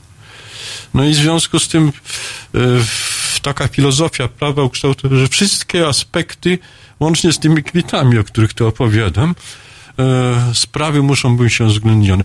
Jasne, że powinna być jakaś teczka z, z tego typu techniczną dokumentacją, gdzieś tam, ale e, Najlepiej w formie elektronicznej. Najlepiej w formie elektronicznej już, ale gdyby trzeba było sięgnąć po jakiś szczegół, gdyby trzeba. Polskim procesie karnym widzimy takie, prawda, nieraz procesy, gdzie tam jest e, dziesiątki akt. Jak to? e, jak to opanować? To, to nie jest dla jednego umysłu. Ja po prostu stanąłem wobec tych trzech e, gór papierzysk, bo to trzy góry były w istocie, zupełnie bezradny. Tymczasem ja chciałem wyrazić swoją opinię o przedmiocie, a nie o, o tym, że... Biletach. e, O biletach i o tym, że biegła jest w ciąży i tego dnia nie może akurat, bo się źle czuje. No bo tak, tam był taki dokument. Zresztą, e, no więc e, na Boga. Takich rzeczy jest, jest, jest całe mnóstwo. Poza, jest- tym, poza tym też istnieją sędziowie zdemoralizowani. To trzeba powiedzieć jasnym. Tak że- jak ludzie zdemoralizowani, Jak, jak ludzie. to, to nie ma nic. Nie, nie mamy do czynienia z aniołami, prawda? Um, z z zjadaczami chleba. A pan, nie, a pan zauważył, bo nasi słuchacze, tak jak pan dzisiaj powiedział, że pan czasami wypowiada mocno niepopularne poglądy i chwała panu za to, dlatego między innymi pana e, zapraszam profesorze, dziękując za przyjęcie zaproszenia, ale nasi e, słuchacze i widzowie też wypowiadają takie niepopularne poglądy i e, kilka razy, e, mimo że oko nie ma kąta, to też tak, e, zauważyłem, że e, Szeroko pojęta opozycja z częścią środowisk społecznych, obywatelskich Tak. nie mówi o tym, że chce bronić zasad, tylko że chce bronić sądów i sędziów. To nie jest dla pana symptomatyczne? Ty- ty- ty- ty- Czyli w, tym, w założeniu jest właśnie coś, e, w głębi jest to, o czym mówimy, nienaruszalność systemu. A ten system nie we wszystkim jest dobry. E, Jasne, że wszędzie na całym świecie zawsze, bo ludzie są tylko ludźmi, będą błędy, będą horrendalne wyroki i tak dalej. Chodzi o to, że, że tego jest nadmiernie dużo. Będą uwikłania sędziowskie, będą e, e, korupcje, jasne. E, to wszystko będzie. Chodzi o to, żeby system był e, z, z, znacznie sprawniejszy, mm, żeby e, sprawiedliwość jednak była wymierzona zgodnie z odczuciem, e, z poczuciem wewnętrznym, które sobie mamy. No przecież, o, wracając do tej sprawy zamojskiej, e, to takim fantastycznym bezczelnym moim zdaniem paragrafem, pozwolę sobie go skrytykować, jest, czy przepisem jest przepis, który mówi, jest sformułowany zabicie ze skutkiem śmiertelnym. Czy tam pobicie, przepraszam, pobicie, Pobicie, ze, pobicie, pobicie ze skutkiem śmiertelnym. Cóż to znaczy pobicie ze skutkiem? To znaczy zabójstwo. No to są różne sposoby zabójstwa. Wiadomo, że są sytuacje, kiedy dwóch e, podpitych jego mościów się tam szarpie w bójce, jakiś jeden pchnie drugiego, yy, tamten rąbnie gdzieś głową o coś i zginie. W takiej szamotaninie to też jest zabójstwo, no ale trzeba zbadać okoliczności tego zabójstwa, a nie orzekać, że coś jest zabójstwem, a coś tylko pobiciem ze skutkiem. Jest lekceważenie ludzkiej śmierci. A nie ma pan wra- lekceważenie zbrodni w tym przepisie. A nie ma pan wrażenia czasem, panie profesorze, że no tak, nam, tak się nam złożyło, że zeszliśmy na temat e, systemu sądownictwa w Polsce. Nie ma pan wrażenia, że to jest taka soczewka Polski w gruncie rzeczy i ci, którzy chcą reformować e, i tam tych sędziów tłamsić, Oni nie chcą- kontrolować. oni ja, wiem, ja to biorę w cudzysłów. Tak. E, I z drugiej strony... Tak, chcą. Tak, i z drugiej strony ci, którzy chcą bronić, no w gruncie rzeczy nie Taka gra? zasad. Tak, Gra dokładnie. strategiczna. Tak, są dwie, są dwie strony. W środku jest przedmiot, e, który też nie jest jak wszystkie przedmioty do końca taki, jak być powinien, a tu jest przeciąganie liny na A jedną, gdzieś tam są miliony stronę. ludzi, którzy chcą... Do których pan jeździ, e, w, do, w, jeśli chodzi o pana podróże, do Polski. Tam są ci ludzie.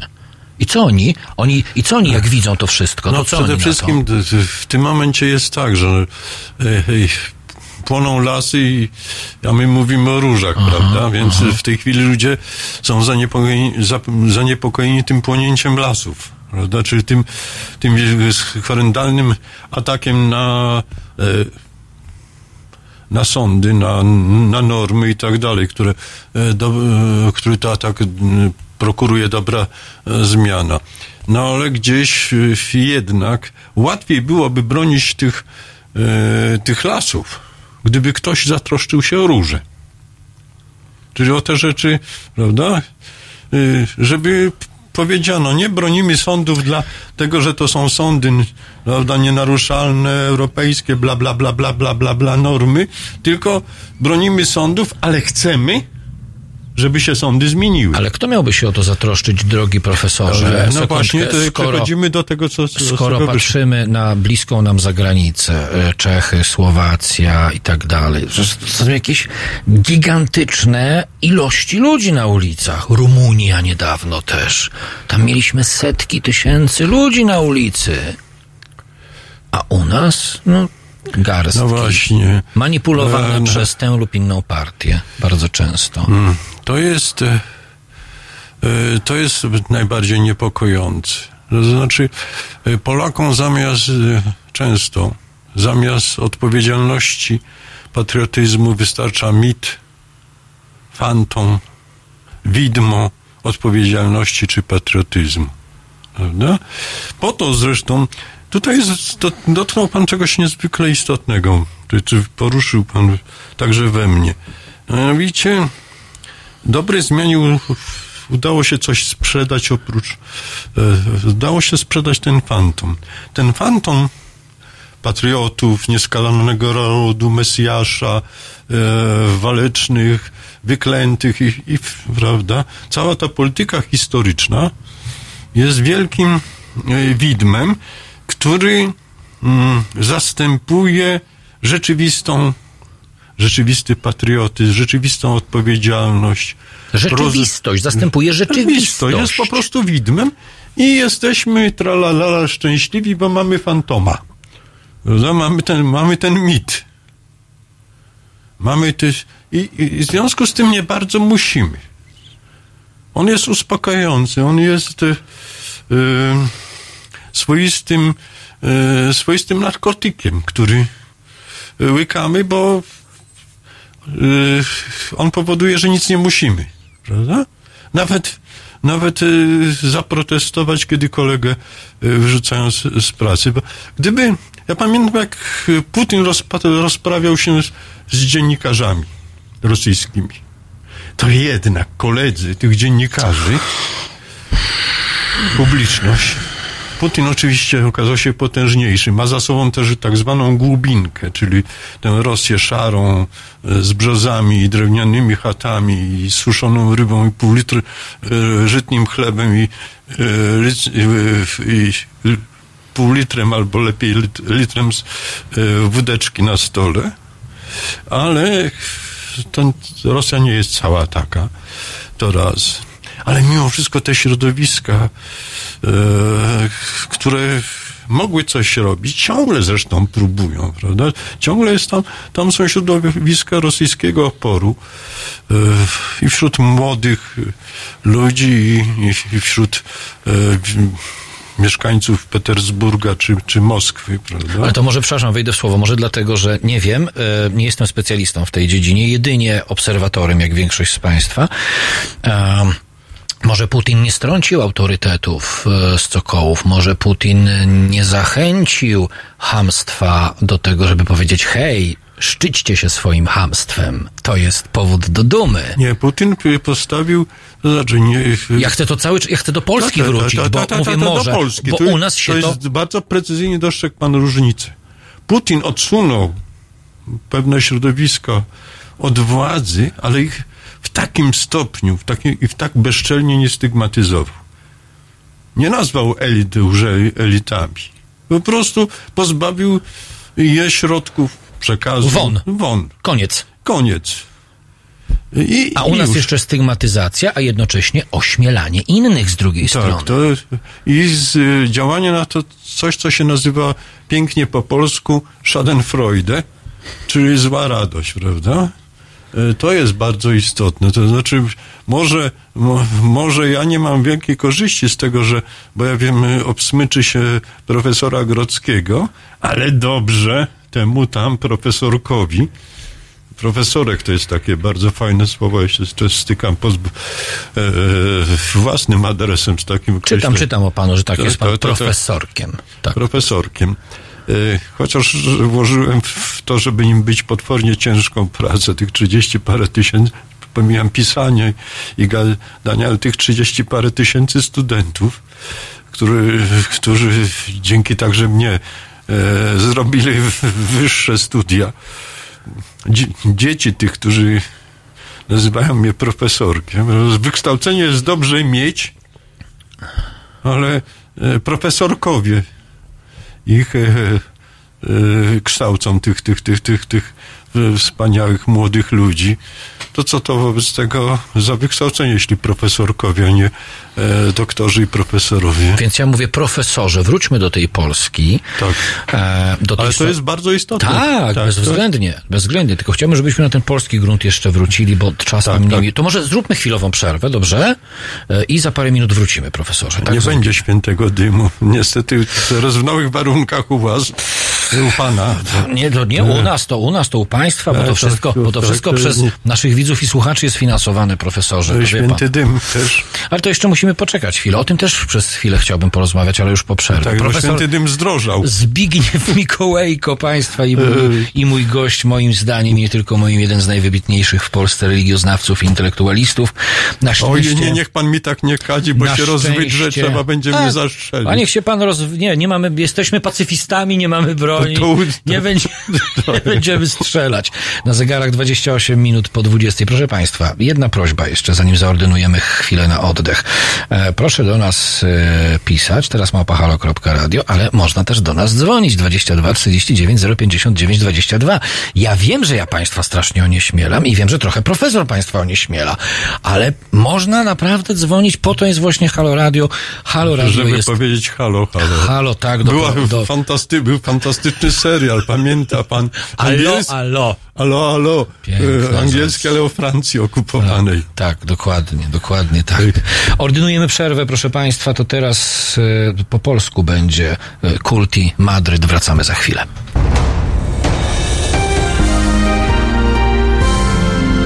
Niedzielę Od 21 do 23 do świata swoich fascynacji dokumentalnych zabierze Państwa reżyser i aktywista obywatelski Konrad Szołajski. 21, 23. www.halo.radio. Słuchaj na żywo, a potem z podcastów.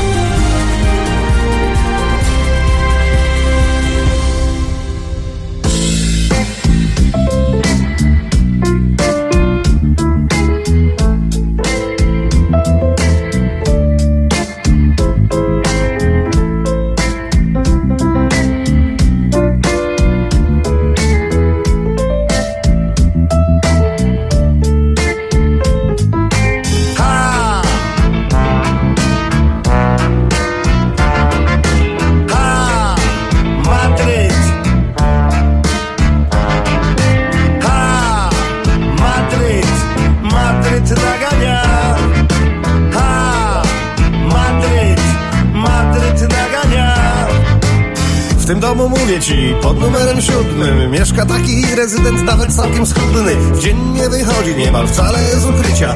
Za to po nocach jest kurwa królem życia Bowiem wszystkie śmietniki są jego kolego.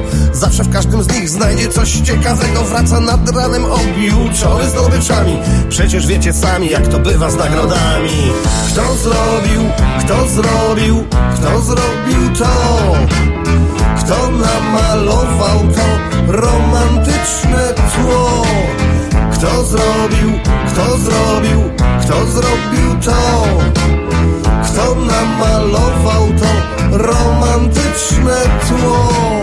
Naprzeciw niego mówię ci, drogi kolego Zamieszkują wiele z wiki pochodzenia. Meksykańskiego Kiedyś, gdy wypiłem z nimi butelkę tequili Chciałem, by mi pokazały, by się razem pobawiły I zgodziły się w końcu, lecz pod jednym warunkiem Że nie ruszę się z fotela, nawet krok w ich kierunku. Obietnica, gdy niedotrzymana Zwykle bywa ukarana. Unieszkodliwiony przez nie przeleżałem tam do rana. Kto zrobił, kto zrobił, kto zrobił to? Kto namalował to romantyczne tło? Kto zrobił, kto zrobił, kto zrobił to? Kto namalował to romantyczne tło? Ha!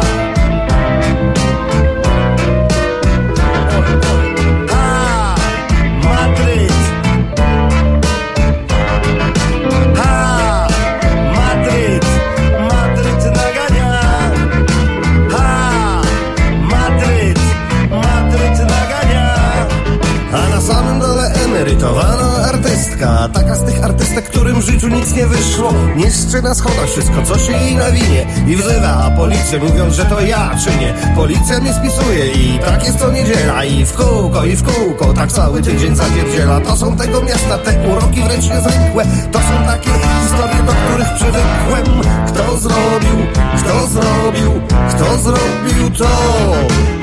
Kto namalował to romantyczne tło?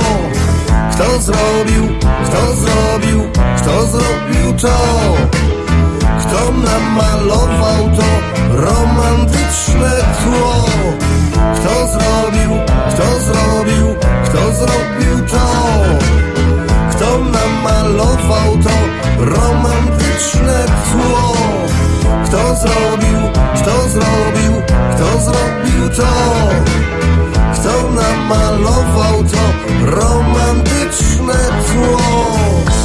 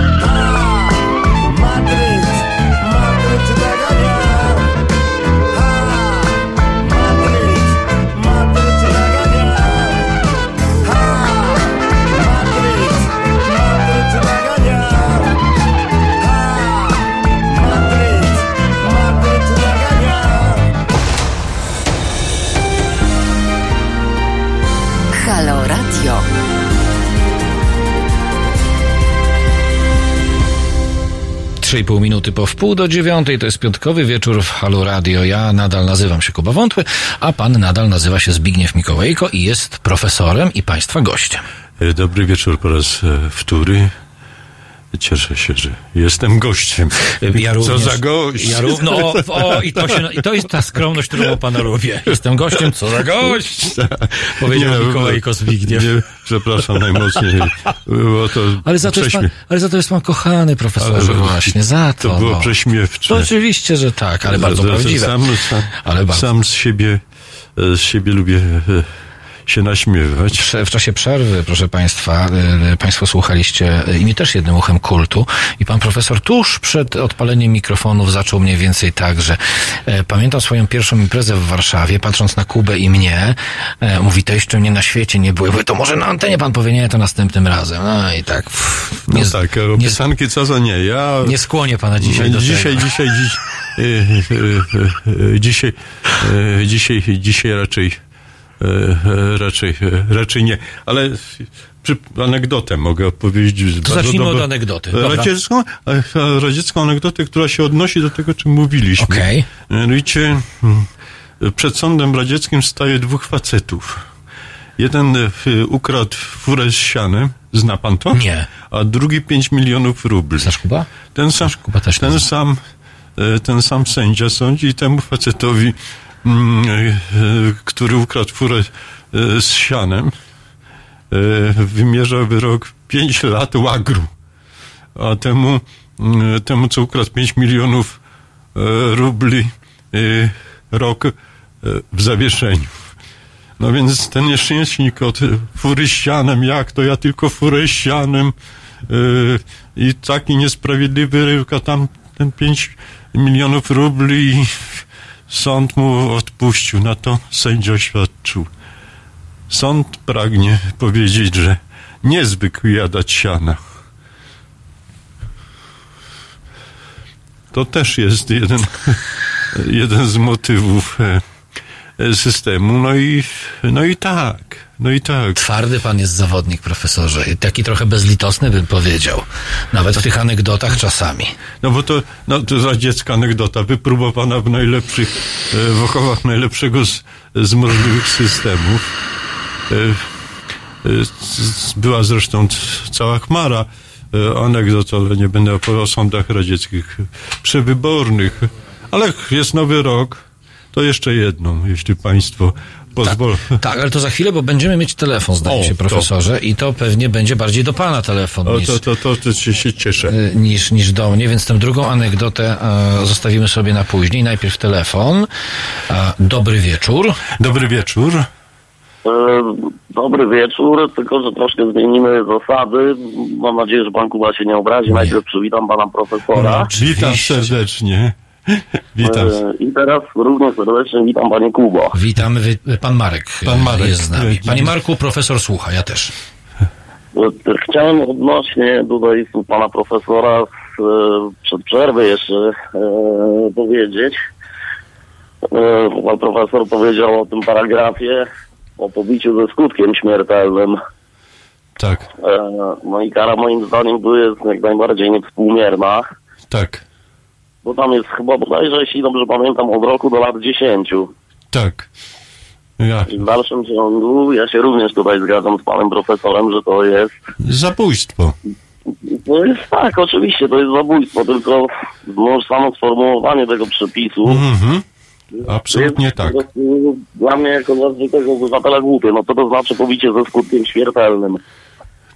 Prawda? To, tłuczemy, człowieka dotąd, dopóki nie wyzionie ducha, tak? no to, to tak wygląda, wie pan. Nie, ponie, znaczy inaczej poniekąd, tak, bo jak pan profesor ładnie powiedział, bo tam może być tak, że kogoś się pchnie, ktoś uderzy głową niefortunnie, okej, tu się zgadzam, tylko że z reguły na ogół jest tak, po prostu w życiu, że to wygląda jak mówię, że tłucza się kogoś, dopóki się go... I tak to wyglądało w tej sprawie, w której wymierzono te 4 i 5 lat, prawda? Czyli e, nawet e, no, w środku tych, tych widełek nieszczęsnych, prawda? Nawet nie te 10 lat. A tłukli dwaj dorośli faceci. Jeden, prawda, młody, 21, a drugi 30, bodajże, jak pamiętam. Ale jednak dorośli, no i, no i tak mamy. E, To, to, takich myślę, e, rzeczy w polskim prawie jest mnóstwo. Ja, ja tego nie śledzę, nie, nie jestem specjalistą, ale od czasu do czasu do każdego z nas coś takiego właśnie e, dociera. Z drugiej strony mamy, prawda, kwalifikowane jako zabójstwo takie wypadki, panie Marku, jak to, że, prawda, gdzieś tam katuje facet swoją kobietę i ona w pewnym momencie nie wytrzymuje i przy jakichś robotach kuchennych odwraca się i wali go tłuczkiem tego nieszczęsnego okrutnika albo pchnie nożem i jest to kwalifikowane jako zabójstwo z miejsca. Prawda? No więc... To, to, to, czyli gdzieś jest jakiś straszny moralny, bo tak naprawdę, i to podsumujmy to jednym zdaniem, za tym nieuporządkowaniem prawnym stoi nieuporządkowanie moralne, to znaczy niewłaściwa hierarchia wartości etycznych. Tylko panie profesorze, powiedzmy sobie szczerze, któż nam to prawo tworzy. no ktoś nam to prawo stworzył i w związku z tym mówmy oczywiście, że to, co się dzieje w prawie, e, w sprawach sądów i prawa dzisiaj jest straszne, ale jednocześnie mówmy, że trzeba także zatroszczyć się o kształt tego prawa, tego systemu, a nie tylko mówić, że e, obronimy nasze sądy, a później się zobaczy.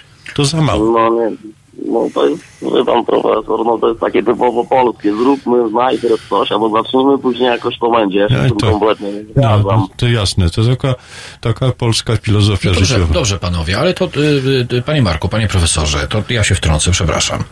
E, a skąd chcecie wziąć ludzi moralnych do tego, żeby zaczęli myśleć o tym, jak powinno to prawo wyglądać? Skąd ich chcecie wziąć? To jest tak jak z dobrymi politykami. Skąd wy chcecie wziąć dobrych moralnie ludzi? Ja myślę, że to jest... Pośród siebie, moim zdaniem.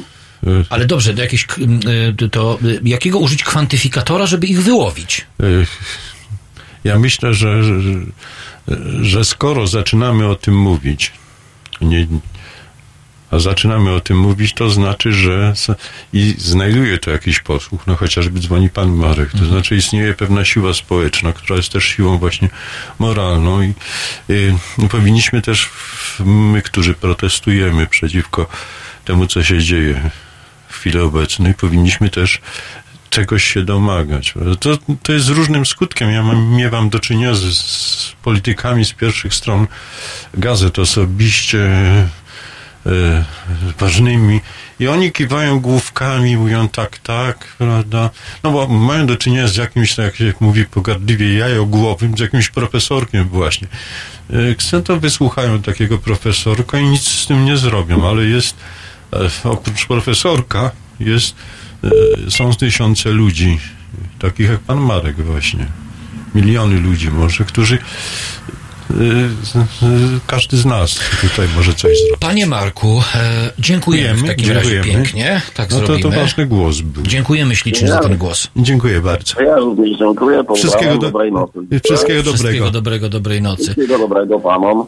E, Panie profesorze, to mamy taką sytuację, w której e, wchodzi pan moim zdaniem bardzo słusznie na bardzo grząski teren, mówiąc o e, ludziach moralnych, bo są nie tylko politycy, którzy mają przed sobą jajogłowych profesorków, ale są też ludzie formatu pana Marka, są setki tysięcy ludzi, miliony i wracamy do punktu wyjścia, tylko żebym się nie pomylił, bo jeden z naszych słuchaczy, panie profesorze, napisał w poprzedniej e, części naszej rozmowy, że na ulicach Bukaresztu zanotowano e, przy okazji ostatnich masowych protestów 2 miliony ludzi. U nas nie ma tej skali, ja mam przynajmniej takie wrażenie, e, w tym pospolitym ruszeniu e, ogólnie w ciągu ostatnich 30 lat. E, Ta skala nie jest na tyle duża, żeby można było z niej Ale łowić moralnych ludzi. Ale to między innymi, to jest, e, wie pan, tutaj dotykamy bardzo długiego trwania historycznego. To trzeba o tym powiedzieć. Mianowicie coś się stało. To nie jest tak, że wojna chociażby i komunizm pozostały bez skutku. To znaczy, warto zobaczyć, kogo wytłukła wojna. Nasi okupanci dwaj, prawda? E, Zostało to odhodowane w jakiejś mierze. To znaczy, komunizm przy wszystkich e, jego nieszczęsnych działaniach, nieprawych i tak dalej, jednak miał taki XIX-wieczny w sobie e, takie XIX-wieczne coś, że edukacja jest ważna. W związku z tym, e, owszem, inteligencja została wytłuczona, eksperci, specjaliści, technicy, e, nauczyciele, księża i tak dalej, zostali wytłuczeni. F- Ludzie ze średnim i wyższym wykształceniem bardzo mocno w czasie tej wojny, ale komunizm odhodował synów robotników, e, chłopów i, No, zrobił z części z nich inteligentów. Zrobił po z prostu, nich tak. inteligentów. I teraz mamy do czynienia z bardzo dramatycznym procesem historycznym, mianowicie ci, którzy się na to, potomkowie tych, którzy się na to nie załapali, czy ci, którzy się na to nie załapali, bo się z różnych względów życiowych, albo dlatego, że, że się nie chciało, albo dlatego, Jasne. że nie, że nie mogli. y, mm, Dało się ich poruszyć do swoistej zemsty historycznej na własnych poniekąd, y, na własnych odszczepieńcach. Pozwoli pan, pozwoli pan, że y, zaordynuję chwilową y, pauzę. Proszę wziąć słuchawki, profesorze, bo nie możemy pani Violetcie tym razem pozwolić Ale pani czekać w nieskończoność. Dobry wieczór, pani Violetto. No dobry wieczór. E, Dobry wieczór, Wioletta Wierzbicka po drugiej stronie. E, Kłaniam się panom. E, Bardzo się cieszę, że będę miała przyjemność z panem profesorem to- rozmawiać. Są rzeczy, tremę. przy, są rzeczy przyjemniejsze, pani Violetto. E, Czuję tremę, Proszę ale nie akurat czuć, ja- się w temat, bo ja jestem nauczycielem i właśnie bardzo boleśnie odczuwam tą pauperyzację mojego zawodu. Tak. To a propos właśnie wyśmiewania się z wykształciuchów, e, ignorowania ludzi takich jak pan, nazywając profesorkami. E, I to się wiąże z czymś, co pan nazwał według mnie podziemiem mentalnym. T- E, tak, czyli w ogromne wywiadzie dla wiadomo co, tak.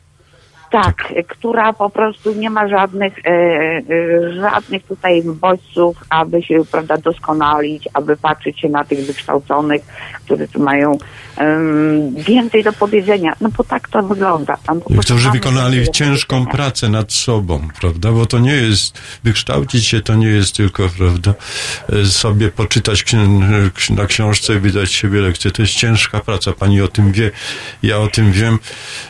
Wiem, Zmaganie się z sobą Studium samym. Poświęciłam, studium poświęciłam 10 lat, 5 lat fizyki, 5 lat filozofii. O, E, i- witam koleżankę w związku z tym, pani Violetto. Serdecznie dziękuję za takie miłe słowa. E, I przez lata e, słyszałam, że przykład mój przedmiot jest mało potrzebny, czyli fizyka. Nie mówiąc już o filozofii, która nikomu do niczego w szkole e, nie była potrzebna i nikt nie chciał, abym na przykład tym się zajmowała nawet za darmo. E, Ale ja mam takie pytanie, panie profesorze. tak? E, Czy jest jakaś nadzieja? Czy jest jakaś nadzieja dla inteligencji? Bo moim zdaniem, jeżeli e, ktoś jest w stanie zmienić to, w czym teraz tkwimy, to tylko inteligencja. Ale czy my jesteśmy w stanie się podnieść? To już będzie wszystko, ja już się rozłączę, bo bardzo długo tutaj e, dzisiaj Ale na wcale nie, bardzo, odpowiedzi. pytanie jest E, fundamentalne. bo- Dziękujemy pięknie, dziękuję, dziękujemy, ściskamy e, serdecznie. Wszystkiego dobrego i profesor już odpowiada. Ta- No właśnie, sam Dziękuję. się zastanawiam, sam sobie e, stawiam e, pytanie, czy, prawda? Czy istnieje coś takiego, co e, e, mój e, cudowny kolega, e, czemu mój cudowny kolega Piotr Gliński z Instytutu poświęcił rzekomo e, rzekomo lata studiów i analiz, mianowicie jak społeczeństwo obywatelskie. No ale co, jest szansa, profesorze? Bo jeszcze jeden telefon odbierzemy, bo już nam mało czasu zostało. Jest taka szansa, o którą jest, pytała pani je- jest, Violetta? jest, jest taka szansa, to znaczy Ale intelektualiści są leniwi, taka jest prawda. To mi doktor Kowalczuk bardzo często powtarza. On mówi, my jesteśmy leniwi. Zobacz, jak Gliński e, e, e, e, zaczął funkcjonować. Dostał ten, tę- tę marchewkę władzy i się kompletnie odrealnił. ale przyjrzyjmy się dorobkowi Glińskiego. Ja zachęcam, żeby zobaczyć. To jest autor dwóch książek tym katalogu zie- Ruchu Zielonych. Przepraszam, że No nie, nie, nie. No, No, no, nie. to, to, to jest paru tekstów w- pracach zbiorowych. Natomiast on jest, jak gdyby troszczy się w, e, o własny awans bardzo mocno. Czyli jest szansa? To jak w Ja myślę, że tak. Ja myślę, że tak, bo jednak jest, jest szansa. W, w pewnym momencie no, społeczeństwa dadzą się oczywiście uwieść, prawda? Znaczy, No, jesteśmy uwiedzeni. No. tak, znaczna część naszego społeczeństwa jest uwiedzona, zaczadzona, ale w pewnym momencie y, ta, bole, ta zasłona dymna, rozsnuta przez obecnie panującą władzę, się rozwieje. Nagle już słychać, że nie 500, a 750 powinno być, bo przecież nie tylko... Ja już o tysiącu słyszałem. No więc, y, y, krótko mówiąc, y, dobra zmiana nie ma jednak worka bez dna. Nie ma złotej rybki mimo wszystko. Chociaż stara I się... w dnie tego worka upatruje pan szansy inteligencji? Gdzieś? w, w rozczarowaniu części tak zwanego socjalnego, jak się ładnie powiada, elektoratu dobrej zmiany. Profesorze, jeszcze pan Marek, dobrze, bo mamy dosłownie pięć Gdzieś- minut. Tak, pięć minut mamy. Panie Marku, dobry wieczór. Dobry wieczór. Dobry wieczór. Y, Ja przepraszam, że wchodzę w tak y, fantastyczną i bardzo ciekawą dyskusję i tu przerywam panu profesorowi. Ale proszę, Dobry wieczór. my jesteśmy dla dobry słuchaczy, wieczór. I tak, no, w każdym razie ja dzwonię z bardzo daleka e, i tu też bym chciał przy okazji odpowiedzieć pani Violetcie, bo y, pytanie jest takie podstawowe, co my możemy zrobić, prawda, czyli co zrobić, żeby zacząć budować ten fundament, ten, który, o którym, na którym się opiera nasze e, społeczeństwo i tak dalej. Ja tu króciutko, chciałem e, przypomnieć, mam też w rodzinie kuzyna, który jest nauczycielem akurat chemii. I e, on akurat e, e, mieszka w Przemyślu i tam jest bardzo złożony problem, oczywiście polsko-ukraiński. Tak. I patrząc z daleka, no ja mieszkam Panie Kubeł wschodnim wybrzeżu, już pan, z panem kiedyś rozmawiałem. W każdym razie przypominały mi się słowa pana Basyla Kerskiego, kiedy po, tuż po pogrzebie przypomniał słowa wielkiego e, e, syna e, Indii, czyli Mahatmy Gandiego. Bądź ty tą zmianą, jaką chcesz widzieć w świecie. Czyli mówiąc do tego mojego kuzyna, słuchaj, ty masz ogromne pole oddziaływania, ponieważ ty pracujesz z młodzieżą, to ty masz dać przykład. Ty nie musisz konkretnie tylko mówić o chemii, ale ty możesz też uczyć postaw, bo pierwsza rzecz, jaką możemy zrobić, to każdy wokół nas ma kogoś, na kogo może oddziaływać, bo przede wszystkim budujemy e, coś od podstaw, czyli kiedy nauczyciele, tak jak pani Wioletta czy pan profesor ma do czynienia no, już prawda, z dorosłymi ludźmi, ale każdy z nas ma pewną możliwość, to znaczy ileś tych osób, na które można oddziaływać w sposób no, y, no w zależności od tego, jakie, jaką mamy wiedzę. Między innymi, m, panie Kubo, też ukłon w, stronę pańskiego, naszego radia, ponieważ e, to radio też mi bardzo dużo daje, po prostu e, ten e, horyzont myślowy ono jest obywatelskie. E, Tak, ale nawet programy tego tu z różnych bardzo dyscyplin, dziedzin, no jak gdyby dają nam przede wszystkim możliwość zrozumienia samego siebie, czyli naszej postawy wobec. Pięknie Więc- pan to mówi. Panie No. Marku, przepraszam, ja przerwę, bo mamy dwie i pół Przepraszam, minuty. ja skończę. To już, tak, ja, Okej, ja to- już skończyłem. Serdecznie pozdrawiam. Serdecznie I- i- dziękuję, Dziękuję pozdrawiam. Dziękuję bardzo. panie Marku. Panie profesorze, oddaję panu głos, bo dwie mi, i pół minuty. Pan Marek odpowiedział pięknie, pani Wiwiolecie. W gruncie rzeczy w podobnym duchu chciałem, chciałem odpowiedzieć, że, że, że, że, gdzieś tam w nas jest, jest barykada, prawda? Na którą się wspinamy, spadamy z niej, czasem tchórzliwie odchodzimy, ale ono jest, jest w nas i, i tutaj, i tutaj, prawda? Jest to, to źródło oporu i to, y, co przekazujemy innym z siebie. Profesorze, y, jeszcze, Budując więź. jeszcze muszę jedno pytanie y, panu zadać, ale to króciutko. Dołączam do pytania do pana Grzegorza, pisze pan Marek, artykuł 196 y, kodeksu karnego o obrazie tak zwanych uczuć religijnych ma sens z punktu widzenia religioznawcy? Nie. Okej, to mówił profesor Zbigniew Mikołajko i teraz pytanie natury technicznej. E, wie pan, co będzie pan robić za dwa tygodnie w piątek, profesorze? Wiem. Co? Pan zarzucił sieć. No. E, Zrobilibyśmy Q&A, profesorze, bo nasi słuchacze bardzo się rozkręcili w drugiej części programu i zrobilibyśmy sobie Q&A, gdzie państwo będziecie do profesora dzwonić i z nim po prostu rozmawiać. Ja będę tylko robił za telefonistkę. To ważne, bo, bo ja mam być 29 Dobra, we, ja zobaczę, wełku. ja już wełku. patrzę, ja już patrzę jaki Wełku. Ja, ja już patrzę jaki to jest. y, To będzie 24, profesorze. No to jeszcze jestem w Warszawie, bo 29. Ale ekstra. To jesteśmy mówini na 24?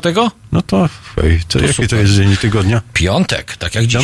Piątek, piątek, piąteczek, piątunio. Tak jest. Mówi profesor Zbigniew Mikołajko. Wszystkiego dobrego, gość drodzy Za państwo. dwa tygodnie 24 Q&A z profesorem Zbigniewem Mikołajką. Dziękuję profesorze. Dziękuję pięknie. serdecznie. Państwo również już za chwilę Radek Dobranoc. Gruca, jego goście tutaj, a więc będzie bardzo niepokornie. Dobrej nocy, dziękuję, słyszymy się za tydzień o godzinie 19. Do widzenia. Halo Radio. No proszę Państwa, bardzo namawiam do słuchania Halo Radia. To jest pierwsze radio obywatelskie i już bardzo ważne i bardzo istotne i tu się głównie gada, yy, ale gada się no takie mądre rzeczy, a w każdym razie prawdziwe. Agnieszka Holland. Tomasz Piątek. A ja zachęcam bardzo do wspierania Halo Radio, bo jeżeli nie będziecie go wspierać, to zniknie. www.halo.radio ukośnik SOS.